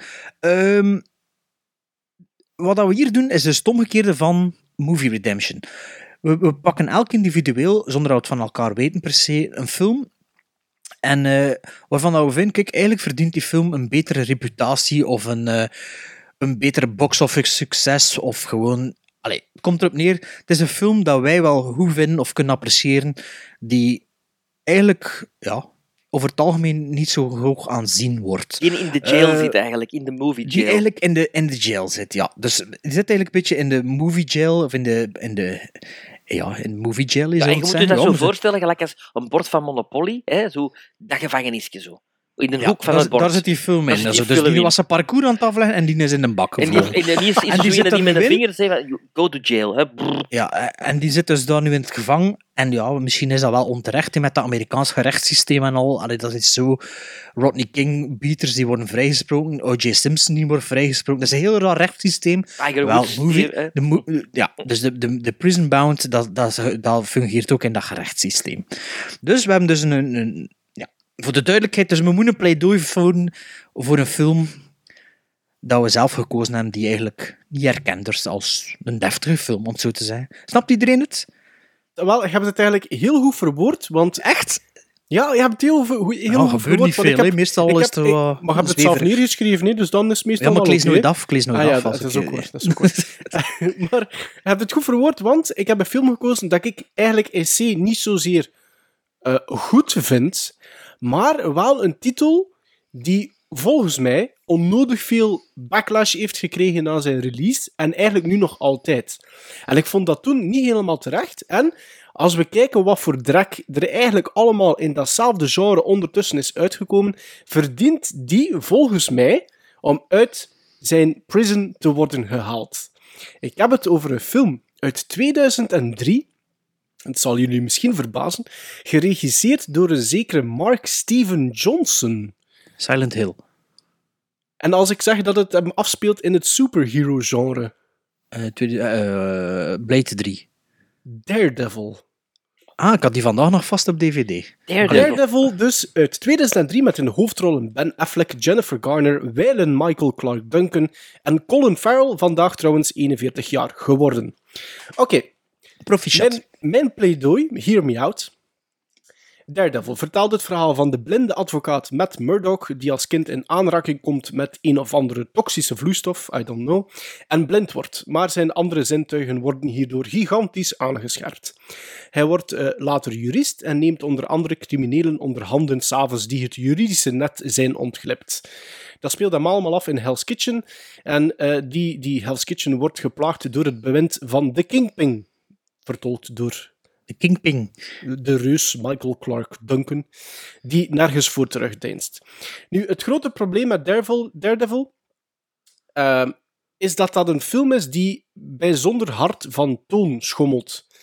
En eigenlijk is C dan niet goed weet wat voor film dat wil zijn. Maar ik vind dat de positieve punten van Daredevil echt wel positief zijn, waardoor dat die van mij meer krediet krijgt dan door menig man. Zit Kevin Smith daar ook niet voor iets tussen? Heeft hij niet geproduced of zo? Kevin Smith heeft een klein rolletje erin, alleszins. Ah ja, dat ik is weet, Maar ja. ik weet niet of dat hij... van Ben Affleck, hè. Bij Dogma en zo. En bij Clerks, Clerks Bob. 2. En, Ja. Clerks 2 en, ja, en eh, Chasing Amy. Hè. Dat, Ja. dat wordt dan al poep, poepvriendjes van zo'n fan. Ja. Ja. ja. Ehm, nu, wanneer dat Daredevil released werd in 2003, hadden we in dat genre en in die periode eigenlijk enkel al de eerste X-Men van Bryan Singer en eh, de eerste Spider-Man van Sam Raimi met Tobey Maguire eigenlijk gehad. En Daredevil is Maar qua de, look... sinds, sinds het nieuwe millennium, hè. Allee. Ja, wel, in die periode. In Ja, die periode, ja. 2003. Ehm, waar zat ik? Wacht, hè. Dus de- Daredevil is qua look voor mij een pak donkerder. En qua toon, hoewel Spider-Man ook wel een verhaallijn met verlies te maken heeft, eigenlijk ook donkerder van toon. Ehm, zo heb je die, die Murdoch, die, het hoofdpersonage, die op een gegeven moment zelfs opteert om niet te handelen wanneer dat hij iemand in nood hoort. En die vrouw in kwestie wordt bijvoorbeeld nadien vermoord. Het zijn allemaal van die kleine stukjes die voor mij ervoor zorgen dat het hoofdpersonage een, ja, meer gelaagd wordt. Ik zeg daarom niet dat het allemaal heel goed wordt vertolkt en uitgeschreven, maar het draagt wel bij tot wat ik vind de positieve punten van de film. En die donkere look vooral, die doen met momenten zelfs denken, vind ik, aan Tim Burton's Batman, maar vooral vind ik aan eh, Alex Proyas eh, zijn The Crow eh, uit 1990. Ehm, die positieve punten worden dan een beetje naar beneden gehaald door ja, de momenten bijzonder cheesy lines van bepaalde personages. De ja, niet echt al te goede prestatie van Jennifer Garner. Ehm, en eigenlijk, ja, ik vind die niet zo goed daarin. Dat was eigenlijk ook, denk ik, haar, of dat had haar grote featurefilm doorbraak moeten zijn na die reeks waarin dat zij zat. Alias? Alias was dat, denk ik. Waar dat ik nooit niks van gezien heb. Ehm, maar ik vind bijvoorbeeld Colin Farrell, die Bullseye daarin speelt, zo een van die villains, vind ik, die wel heel goed. Het is een beetje over de top, maar ik vind die wel goed. Ik vind dat die wel bijdraagt tot, tot het geheel van, van Daredevil. Michael Clark Duncan vind ik ook niet slecht. En John Favreau zit er ook in, een beetje als comic relief. Maar de scènes waar dat hij samen met Ben Affleck speelt, vind ik heel goed geschreven en werkt voortreffelijk. Ehm, dus al bij al, hoewel dat er veel minpunten zijn, en de, de meesten zeggen dan, ah, Ben Affleck, maar jongens, er zijn echt wel veel slechtere prestaties al geweest dan Ben Affleck, die Daredevil, die Matt Murdock speelt, vind ik. Ze zeggen dan, ja, de CGI, ja, oké, die CGI ziet er niet altijd goed uit. Nee, dat is waar. Maar als je kijkt in dat genre, wat dat er, zeker nu, anno 2017, al allemaal is uitgekomen, dan denk ik dat Daredevil het wel verdient om nog een keer bekeken te worden en een tweede kans te krijgen. En voor mij, die zat al zelfs niet in de prison na een eerste keer. Gisteren heb ik de director's cut bekeken voor de eerste keer. Dat is een half uur langer Holy shit. dan de, ja, dan de theatrical version. Net twee uur of twee uur en zeven minuten. En ook daar zitten shots in en segmenten en minuten die zeker bijdragen tot... En die film zelfs misschien zelfs een beetje beter Wie- Dus, dus beter de director's cut bezien. Wie heeft dat geregisseerd? Een zekere Mark Steven Johnson, die had Grumpy Old Man meegeschreven, of Grumpier Old Man meegeschreven, en Simon Birch geregisseerd. Zeg maar Ja. niets. Ja, de titel zit mee, maar ik heb dat nooit gezien. En, en heb je daar Daredevil gezien, Sven? Nee. Ik had die ook niet gezien. Ah, Maar ik ken ook dus de Netflix-serie, eh, maar ik ga het Oh, begin ja, nee. En iedereen is er zo wild van en twee keer een halve aflevering afgezet. En, pff, allee, ja, die series. Nee, ik heb mij toen echt laten leiden door, door effectief dat iedereen zei, "Wauw, dat trekt op niks.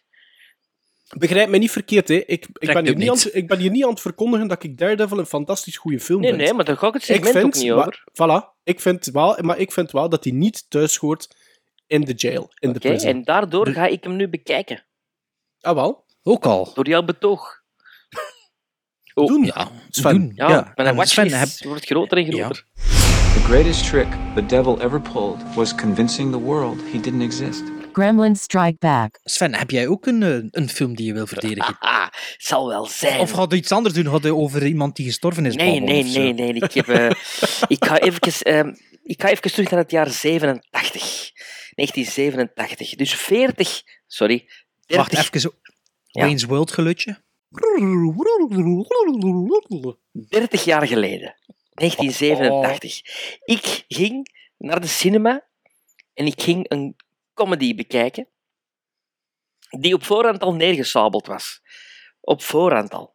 En waarom? Op voorhand? Ja, op voorhand was er al zo'n slechte teneur rond, rond heel die film. Want het moet een hel geweest zijn tijdens het draaien van die film. Ik heb het over Ishtar. Ishtar, Ah, niet de groep van het Songfestival. Bart. Niet. Maar wel Ishtar van... Ishtar van... Ishtar van... El... Oh, ik- Elke keer dat hij Ishtar zegt, dan ga ik dat liedje zingen. Een film van Elaine May. Eh, Met Warren Beatty, Dustin Hoffman, Isabella Gianni en Charles Grodin in de belangrijkste rollen. Kort notend op het verhaal. Lyle en Chuck zijn de Beatty en Hoffman vormen een duo dat liedjes schrijft. De kwaliteit van de liedjes is echter verschrikkelijk. Maar het duo zelf is ervan overtuigd dat ze de nieuwe. Simon, Simon en Garfunkel zijn. En dat op een dag de rest van de wereld dit ook zal zien. Maar het, de agent van het duo, Marty Weston, weet de twee te boeken in een hotel in Marokko om daar de troepen te amuseren. Eens ze in Marokko zijn, raken de twee betrokken bij een complot om de emir van het buurland, Ishtar, van de troon te stoten. Ze, ze helpen de mysterieuze Shira, lid van het verzet, die een kaart naar de opstandelingen moet smokkelen. Daarbij stuiten ze op Jim Harrison, een CIA-agent die bezig is om de revolutie tegen te houden. Eh, complot na complot na complot. Maar op IMDb krijgt deze film 4,2. Op Rotten Tomatoes 30% van de critics en 37% van de audience. Roger Ebert, wijlen Roger, Roger Ebert, filmcritic, geeft hem zelfs een halve ster. En hij zegt ook: The best that can be said for this movie is that Warren Beatty and Dustin Hoffman, two of the most intelligent actors of their generation, played dumb so successfully that on the basis of this film there's no evidence why they've made it into the movies. Ik heb die film gezien in 87. Zeg maar, wat, wat voor soort film is Een dat? comedy. Dit is een comedy. Dit Toen is we een denken naar Rock the Cash Bar, dat zo Ah, wel. zegt. Nee, ja, maar Want dat vond ik heel slecht. dit is, mijn vrienden, een meesterwerk. In 87, Nee, nee, nee. nee. Nee, nee. Ik heb die film meerdere keren bezien. Niet alleen in Ah, oké. 87. Het is de ultieme ode aan Bob Hope en Bing Crosby, die films maakten zoals Road to Bali, Road to Singapore, Road to Morocco, Road to Zanzibar. Beatty en Hoffman zijn subliem als duo. Charles Grodin, die Always Delivers, is de perfecte aangever voor dit olijke duo. En Isabella Gianni is perfect als buitenlandse schone. En het is een film die heel veel te lijden heeft gehad onder de roddels en de conflicten op de set. eh, en de media-aandacht die daarmee gepaard ging. Want Elaine May stond erom bekend om 30 tot 40 takes te doen, à la Stanley Kubrick, om de comedy op punt te krijgen. Maar Beatty had een affaire met Isabella Gianni en vond dat hij meer de film moest regisseren. En het conflict tussen Elaine May en Warren Beatty werd legendarisch. Zo zelfs dat de film over budget is gegaan. Kostte 55 miljoen dollar. Eh, wat die nu Toen niet... al, in 87, In zeven- 55 miljoen. 55 miljoen Voor, voor dollar. spelen. En de film heeft amper 4 miljoen eh, dollar opgebracht. Dus het is, het is echt een, grote flop geworden. Maar, maar, maar, Elaine May, die weet wat dat comedy is. En die levert een staltje comedy af om u tegen te zeggen. Maar is echt- dat geen schrijfster dat is een schrijfster, een comedy Ja. Allee, scenario. En eh, veel ja. tv-werk gedaan ook. Ze, is, ze zit niet alleen zit Ishtar in die jail, maar Elaine May is ook in die jail beland, want die heeft sindsdien nooit meer een film mogen regisseren.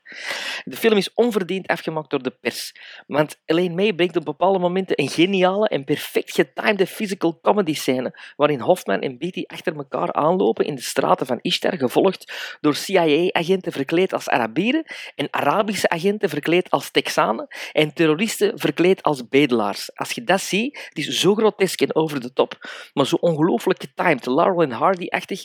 Er is een meester aan het werk en die meester is Elaine May. De scène met de blinde kameel, hilarisch. De woordgrappen vliegen in het rond. Het is, ja, ongelooflijk. Beatty als domme lover en Hoffman als kleine arrogante tafelspringer. Het werkt allemaal zo goed. Als wat? Als tafelspringer? Ja, ken je? Een, tafel, Letter, letterlijk. een tafelspringer. Zo hier met een grote mond die op tafel springt. Allee, een, een Bart de Duitse. Een tafelspringer.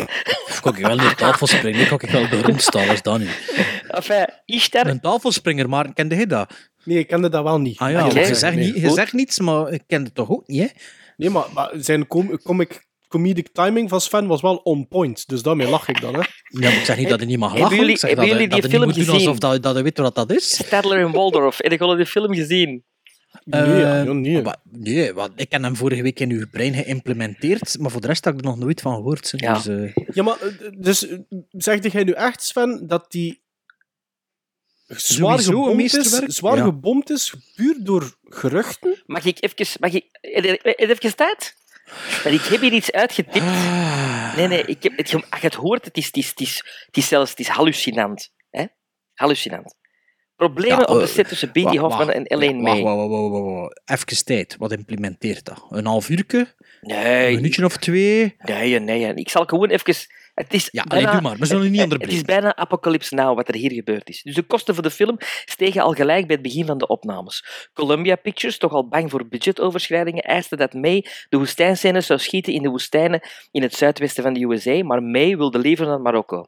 Ze werd hierbij gesteund door Coca-Cola, die heel veel geld in de film geïnvesteerd had. Het bedrijf beschikte over fondsen in Marokko die ze niet konden vrijmaken en wilde de bevroren tegoeden losmaken door ze in te zetten voor Ishtar. Dus Columbia Pictures gaf toe en de filmploeg vertrok begin oktober 85 naar de Sahara. May had berekend dat er tien weken nodig waren voor opname. Er zaten echter grote nadelen aan de opnames in Noord-Afrika, want er waren grote spanningen tussen Israël en de Palestijnse groeperingen die hun hoofdkwartier hadden in Tunesië. Israëlische vliegtuigen bombardeerden het hoofdkwartier van de Palestijnen in Tunis. Zeven dagen later kaapten de Palestijnen het cruiseschip de Achille Lauro en executeerden ze Joodse Amerikanen. In Marokko zelf was het ook niet rustig, want het leger van Marokko was in gevecht met de rebellen van Polisario. Dus er was oorlog op die moment. De opnames in Marokko, de filmploeg zat niet lekker in zijn vel. Ehm May bijvoorbeeld voelde zich totaal niet thuis in die woestijn na een paar weken. Ze had last van kiespijn, wilde haar tanden liever niet laten behandelen door de lokale tandarts. Hè? Dus vanwege haar ongemakken was May snel geprikkeld en ze stelde onmogelijke eisen. Ehm, ze had 50 opnames nodig voor een scène waarin gieren naast Beatty en Hofman landden. Uiteindelijk vlogen Beatty en May elkaar bijna letterlijk in de haren. Beatty, ik die- dacht dat hij ging zeggen, weg op de gieren. Dat ging echt wel cooler geweest. Beatty, die al behoorlijk spijt begon te krijgen van de film, werd woedend tijdens de opname in een belangrijke gevechtscène. Het was duidelijk dat May te weinig ervaring had met dit soort scènes en toen Beatty haar aansprak, barstte ze in woede uit. You wanna do it, you go ahead, film it yourself. Bij elke andere productie zou de producer de regisseur hebben ontslagen, maar Beatty was bang voor zijn gezichtsverlies. Hij had May tenslotte aangezocht, want May is op het project gebracht door Beatty. Dan gaan ze naar New York eh, om de rest van de film en Beatty altijd maar afgeven op, de op Elaine May tegen de studiobaas van Columbia Pictures, dat May niet kon regisseren, maar hij wou niet ontslagen, omdat hij een voorstander was van rechten van vrouwen in de filmindustrie. En zo gaat dat maar voort en voort en voort. De Vittorio Storaro, die, de, de, de, de cameraman, eh, die werd losgelaten. En die, werd niks tegen gezegd van doe maar, doe maar, doe maar, film maar. Eh, David Putnam werd erbij gehaald. Dat is de man die natuurlijk altijd over budget ging. Die al over budget was gegaan met Reds met de, en, en met de Mission het jaar ervoor. En waardoor dat de productie nog over budget ging. En zo blijft het maar voortgaan. Dus de film, en al die, die die kwamen via de pers. En de film was op voorhand al een beetje ah, blacklisted. Beatty Ja. wou zelfs geen, geen eh, pers doen voor de film. Er was dan ook al Zeg een, maar- een gevecht. Wie gaat er eerst op de generiek staan? Hoffman of Beatty? Beatty of Hoffman? Ja, Sven, en hadden we nu gezegd dat we geen tijd hadden? Hadden had je dat allemaal voorbereid? Dat ging allemaal voor niets geweest zijn, of wat? Ik heb dat allemaal voorbereid, omdat ik dacht van, ik weet niet wat voor een moed Bart is. Dus Ah ja, ja. Zeg, ik heb hier even opgezocht. Elaine May, die leeft nog altijd. En weet je wat haar job tegenwoordig is? Die eh, steekt de kaartjes van de Oscars in de enveloppes, blijkbaar. Eh, Is dat dus- echt? So she fucked Beatty. Oh nee. nee, nee, nee. nee. Oh, Bart. Bart, Bart, jij bent toch een grapjas. ja, maar dat is echt. lachband. Maar je wordt wel redelijk gevat. Ik vind wel dat je dat redelijk goed gedaan hebt. Ja, ik kan ook wel een beetje acteren. was ook wel Ja, goed. dat heb ik wel goed. Als ik niet moet aflezen, dan ik wel comic time. Ja, Ik denk, ik denk dat ik niet alleen sta Ja. in, mijn, in mijn eh, visie over Ishtar. Want ik, als je zo eens een klein beetje surft op het internet, zijn er heel veel mensen die, die echt wel zeggen van dit is een film die een En tweede kans verdient. ik wil hem door u nu wel eens zien. Want Ik wel een beetje pijzen aan een Mel Brooks film zo. Maar, de- maar ja, maar eigenlijk, eigenlijk is het, het komt allemaal terug naar de basics van comedy. Het is een beetje een Mel Brooks film, het is een Ah, beetje Wat een... Abbott en Costello? Nee. ja, ehm, ook. Abbott en Costello, Bing Crosby, Bob Hope, eh Laurel en Hardy. eh, de, ja, de- het is echt goed. Het is echt goed. Maar het is eigenlijk dus ook vo- volledig een vergeten film. Ook Wat was hij? De eigenlijk, ja. 87? 30 jaar. Vandaag. Dat is een moeilijk jaar hè, voor het onthouden. Alleen voor eh, er bovenuit te springen. Als Waarom? geen 87 uitkwam. Waarom? Maar omdat er heel veel klassiekers gemaakt zijn dat jaar. de, de, de week dat hij is uitgebracht, kwam er niks anders uit. Ah ja. Eh, maar de week daarna kwam er een hele grote film uit en is Little daar, Weapon of zoiets. ja, is hem daardoor in, in de vergetelheid... eh, Oké. 3, 2, 3, 4, 4, 2, 3, and. These men are pawns. I put a price of 20,000 dirham on their heads. Next, they will be hailed as the true messenger of God. They were just a couple of songwriters who came to Ishtar to break into show business. Oh, little darling. My little darling. I can't believe these men may control the fate of the Middle East. Are those vultures? Yeah, yeah, yeah, yeah. For just. For you.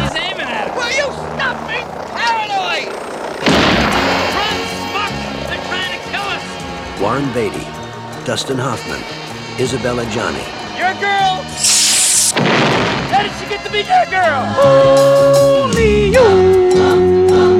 I think they're wonderful. Ishtar, written and directed by Elaine May. Oké, ja, ik heb eh, een film gekozen ehm, van 2011, een comicboekverfilming eh, van John Favreau, eh, de regisseur van Iron Man 2 en ook Iron Man 1. En eh, na Iron Man 2 heeft hij een ander eh, comic, een comicverhaal verfilmd. En ehm, het is misschien een spoiler, maar de titel van de film is Cowboys and Aliens. Dus ja, ik denk niet dat dat echt een spoiler is. Ehm, die titel, oh ja, ik weet het niet. Het is dus een film van 2011 van 120 minuten ongeveer, met Daniel Craig in de hoofdrol, maar ook met Harrison Ford, Paul Dano, eh, Sam Rockwell. Ehm, Keith Carradine komt er ook in voor. En? En? Ja, nog wat volk. Allee, ja, die meer schone ogen. Abigail Spencer. Nee, eh Ja, meer- de, de rest, de rest heb ik niet op mijn bladje geschreven. Er is er met schone ogen die erin meespeelt. Maar je weet zelf haar naam niet. Ja, maar het heeft Ja. schone ogen. Ah, wel, die, die, ho- die hoofdactrice. Number, number Allee, de- 13 uit uh, House. Wat? Ja, ken je House niet met, met dingen, met, met, met Hugh, Hugh Laurie? Laurie. Hugh Laurie. Jawel, daar speelt ze Ah, die blonde. Die blonde. meer schone ogen. Ja, maar die speelt dus ook mee in Cowboys en moet ik Aliens. weten wie dat, dat is, hè. Dat is de hoofdrolspeelster van Once Upon a Time nu zeker? Niet? Is dat het die? Ja. Ja, dus eh, ik wou wel mijn verhaal gaan aan doen, hè, jongens. Doe maar, Bart. Ja, oké. dus de film... Olivia eh, Wilde. Ah nee, het was de Dini dat ik dacht. Eh, dus, dus de film met John Favreau gemaakt in 2011 na Iron Man 2 en Iron Man 1, alle twee heel succesvol. Eh, deze film ehm, heeft slechts 100 miljoen dollar opgebracht en heeft voor te produceren 163 miljoen gekost, plus nog een keer hetzelfde bedrag ongeveer ter promotie. Ehm, na deze film heeft hij al een tijdje volgens mij in director's jail gezeten, maar drie of vier jaar later was hij dan terug met Chef. En dan met Jungle Book is hij dus volledig terug. Maar eh, ja, deze film eh, kon wel eventueel het einde van zijn carrière geweest zijn. Ehm, waarover had de film dus eh, Cowboys en Aliens? had dus enerzijds over cowboys en anderzijds over Aliens. aliens. Nee, dus in de, in de jaren, allee, de 19e eeuw ergens, ehm, in het eh, Wilde Westen, denk New Mexico, omdat dat wel goed uitkomt voor het verhaal. eh, ja, komen er buitenaars uh, wezens tevoorschijn in de cowboy-tijd, die eigenlijk op zoek gaan naar goud. En de cowboys die vallen de aliens aan. En ja, daar had, dat is eigenlijk in een notendop wat dat het is, maar veel meer dan de notendop is het natuurlijk ook niet. Het is een beetje een, een beetje Tremors-vibe, vind ik, om een of andere reden. Tremors en, en Close Encounters een beetje. Het is vrij... Um, het is geen steampunk, om het zo te zeggen, maar wel... Uh, ja, het is een beetje... Het is, ja, het is geen Wild Wild West. Nee, het is, nee, het is geen Nee, Wild Wild West. Voilà, perfect. Zeker Het is, het is sci-fi, een sci-fi cowboyfilm. En die vlag dekt de lading. En, um, Spielberg film- produced, hè, denk ik, hè? ja, Spielberg had geproduced. Ehm, toen dat de film uitkwam, was er eigenlijk, ik kan niet zeggen, een, eh, een negatieve vibe rond, maar er was eigenlijk een non-bus. Er was, de- dat is een film die... eh, He Came and Went, om het zo te Ik ging zeggen. dat juist zeggen, want ik heb die film niet gezien. Dus ik weet dat Sven die wel al gezien heeft. Ja. Hè, Sven? Ja. Ik heb die, En ik heb die en niet gezien. Maar, maar inderdaad, dat was link precies. Ik denk dat dat misschien de hoogdagen was van downloaden, juist nog voor streaming. Het einde van de dvd's misschien, en dat dat dan zo ergens tussenin gevallen is. Ik weet het niet goed. Ik heb dat graag gezien. Ik heb dat in het cinema gaan zien eh, en ik vond dat, vond dat echt... Maar ik, heb hem niet gezien in de cinema. Ik weet niet waarom. Ik had wel ervoor wel foto's gezien in Empire. En allee, ja, het is toch ook geen slechte cast en zo. James Bond en weer- Indiana Jones in dezelfde film. Voilà. En, eh, ja, en, en Harrison Ford draagt ook een hoed, like Indiana Jones. En, ehm, Maar ik ken die film dan ook eh, een, een- bij de uitverkoop van een DVD. Ik heb zo DVD, eh, of noemt dat, videotheek, zo 200 DVD's gekocht en die zat er ook tussen, zonder dat ik die echt wou, maar dacht, ja, whatever. En ja, ik heb die dan bekeken, ik vond er eigenlijk niets mis mee met die film. Allee, het is geen hoogstaande film, het is niet, maar het is gewoon een, fun, pretentieloos filmpje zo. ehm, het, is, ja, het, zit niet vol met van die iron- ironie of tongue-in-cheek of knipogen en zo. Totaal niet. Het is gewoon een cowboy-alien film. En ja, ik moet zeggen, toen had die film gedaan, dacht ik van, god, dat was eigenlijk zo slecht nog niet. En het kijkt wel weg, om het eh, te quoten, eh, zoals een bepaald iemand van ons wel dikwijls zegt. Ja, Maarten, inderdaad. En ja, cinematografisch klopt. Het is een beetje een, ja, een hedendaagse B-film. En ja, dat was dus wat ik voorbereid had. En toen heb ik hem gisteren nog eens bekeken. Ik dacht, ja, ik zal hem nog keer bezien. De film heeft wel wat gebreken. Maar ja, je mocht wel wat korter zijn. En- Ah, Zo'n runtime, zo'n runtime is wel ja, je mocht lang. korter zijn, want ja, het is natuurlijk een mager verhaaltje. De CGI of die creatures zijn niet zo goed. Allee, het is een, pff, een beetje binnen een man in een pak, bij manier van spreken. En er zit heel weinig humor in. Hoe, lang, duurt, hoe lang duurt die? Oh, Twee heel uur. weinig humor. Dat vind ik nou niet, Ja. hè, Bart? Nee, dat is, nee, nee dat is, er, zit, er zit heel weinig gevoel voor humor in. Er zit, Ah, eh, die John Ford zijn personage is toch vol humor. Nee, niet, zo, niet zoveel dat dat herinnert. Hè? Want ja, dat, dat, ik zeg, het moet niet ironisch zijn, het moet niet wink-wink zijn, maar het mag zo'n beetje snappier zijn en een beetje meer rock and roll. Het is vrij braaf allemaal. En dat viel me gisteren toch wel op. En dat was misschien ook wel een beetje waarom dat de film niet echt aangeslaan heeft, volgens mij. Want in mijn, in mijn, in mijn kop was dat echt veel funnier en veel, veel snappier. En, en, en ook dan de- dat ik- het leentje buurgevoel gehad van Bone Tomahawk? Wel, Tomahawk heb ik ook wel een paar keer aan moeten denken. Ja. nu niet echt Lintje Buur. Maar ik ging eventueel ook zijn Bone Tomahawk. Jawel, in een aanval naar de grot is toch een beetje in Bone Ja, ja Tomahawk zit er wel een beetje. Ja. Ik weet niet of dat per se een inspiratiebron voor Bone Tomahawk geweest is. Maar, en ik denk ook dat de titel van de film niet in zijn voordeel gespeeld heeft. Alleen moest je dat nu noemen... eh, Ja, ja, ja. Ik kan, me, dan nu, ja, eh, kan mij dat wel voorstellen dat dat misschien niet in zijn voordeel gewerkt heeft. landing ja. in New Mexico of zo genoemd. Landing in, in Landing New Mexico ze- 1823 of zo genoemd. hebben. Zodat dat misschien iets meer... Allee, ik bedoel, de film Cowboys and Aliens, als mijn ma en pa in de cinema staan, gaan ze niet naar die film gaan kijken. Allee, ja. Anders misschien ook niet, maar... maar... Dus ja, eh, ik moet zeggen, ik heb er gisteren al nog een keer van genoten. En ik denk wel dat hij eigenlijk een beetje onterecht niet gezien is. Want Maarten heeft hem niet gezien, omdat er het sindsdien niet meer aan gedacht hebt aan die film. Nee, of- het enige wat ik er ook van wist, is dat ik weet nog, in, op het moment dat die uitkwam, had ik zo wel een paar trailers gezien. Ik vond die trailers niet overtuigend. Maar plots kwam die uit en ik heb daar precies Die niks meer gehoord. ja. Ja? Het is raar, want ik heb dat gezien en ik vond dat er wel veel bus rond was.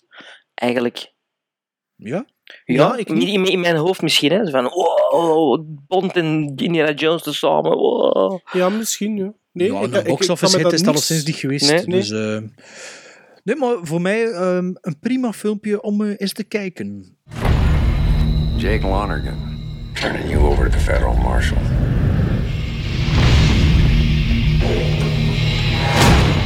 Boss, Lonergan's in town. I want that man. You give him to me now, or I'm gonna take him.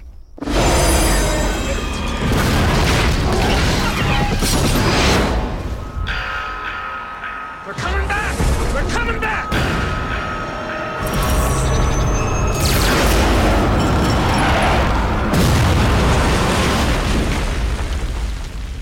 Had dit segment nu eigenlijk nut? Ja, want... Waarom? Ik vind het alleszins interessanter dan ons vorig segment. Want, beste luisteraars, wij gaan nu een beroep doen op jullie interactiviteit.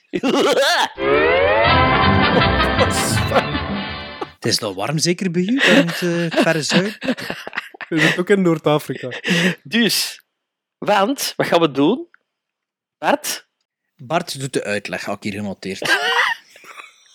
dus we gaan eh, nog iets nieuws doen. Eh, we gaan een get out of jail card creëren. Ja. Dus eh, het concept is... Wacht, ik ga mijn bladje erbij pakken, want ik ken u toch genot... eh, eh, ja. Dus de film kan uit de prison, de jail geraken, door het aantal stemmen van de luisteraars en, de, en onszelf. Vinden we dan een film... Wacht, ik ga het gewoon aflezen, want anders wordt het onoverzichtelijk. De luisteraars kunnen meestemmen voor 70% en voor 70% het verdict meebepalen. Om out of jail te komen moet een film, eh, ik kan iets minder doen, 60% halen. We maken een online poll voor de film, voor elke film, en sluiten de poll af op het moment van de volgende opname. Als één van ons de film niet gezien heeft, krijgt hij van deze persoon geen stem en telt zijn stem als 0%. Dus weder moet stem voor de films die we gezien hebben, vinden die, dat die out of jail moet, ja of nee. Ja is dan van ons elk 10%, nee is... Hè, stemt er twee man op onze poll en die, tellen die stemmen elk voor 35%. Dan zijn er 10 die stemmen, telt, elk, telt elke stem voor 7%. Snappen we nog? Nee. Maar wel, hè? Nee. Weet je wel, we gaan een poll online zetten, stemt of dat die, dat die film uit de gevangenis moet of erin. Dat is, En toch, dan wel, dat is toch veel logischer? Maar je moet toch de spelregels weten voordat er dan begint? Ja, je moet Gewoon- natuurlijk een bepaald percentage behalen. Hè? Nee, Ja, die- nee, 60%. nee, nee, nee, nee, nee. Ik vind, degene Oh, die nee. het meeste stemmen heeft, gaat uit de jail. De rest blijft zitten tot de volgende. Zeg, en als die stem... Maar Nee. Jawel, jawel. Je Voor moet, vervroegd, je moet toch niet vervroegd vrijgelaten worden zonder dat er een meer... Allee, zonder dat er een bepaald percentage hebt. Nee, er is bij de de commissie winnaar, de winnaar gaat uit de jail en de rest blijft zitten tot de volgende jail-segment. Nee, dat vind ik niet, want vrees, die- dan vrees ik nu al sowieso voor uw Ishtar. Ja, het is dat, want niemand kent dat. Dus, en als, En als, als, maar en als er 3% stemt, eh, drie man stemt, maar en ik zijn al 0%, want we hebben die film Ah, ja. gezien, hij 10%, dan, en dan En, er is twee man die en van stemt. mij ook. En van mij Ja. ook, want jullie hebben alle twee derde daarvan nog niet gezien. Voilà. Ja, maar ik kan die misschien zien tegen de Weet volgende wat, we gaan, aflevering. we gaan de poll online zetten, de luisteraars kunnen stemmen en tot de volgende keer komen we met een uitslag zonder al die technische uitleg. Oké, Hou dat, ik zal dat toch proberen. Oké. Pol.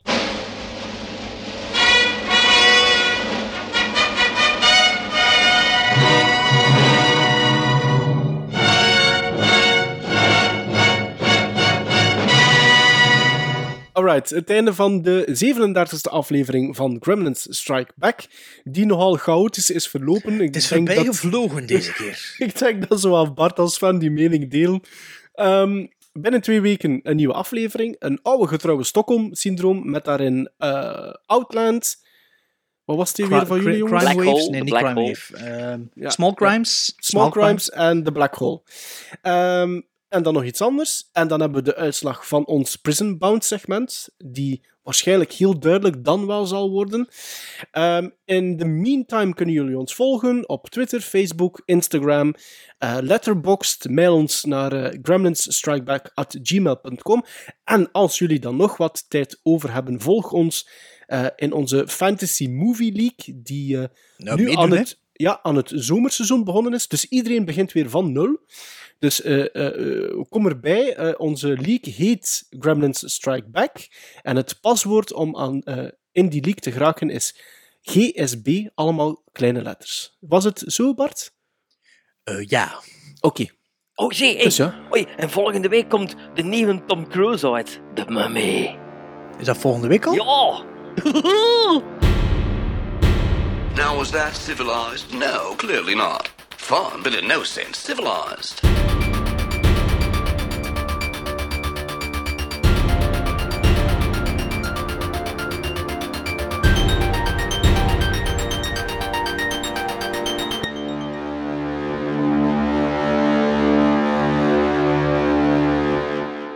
Ja, maar wacht, ik ga wel heel dat spel opnieuw doen, hè, want dat trekt hier op niks meer. Zeg.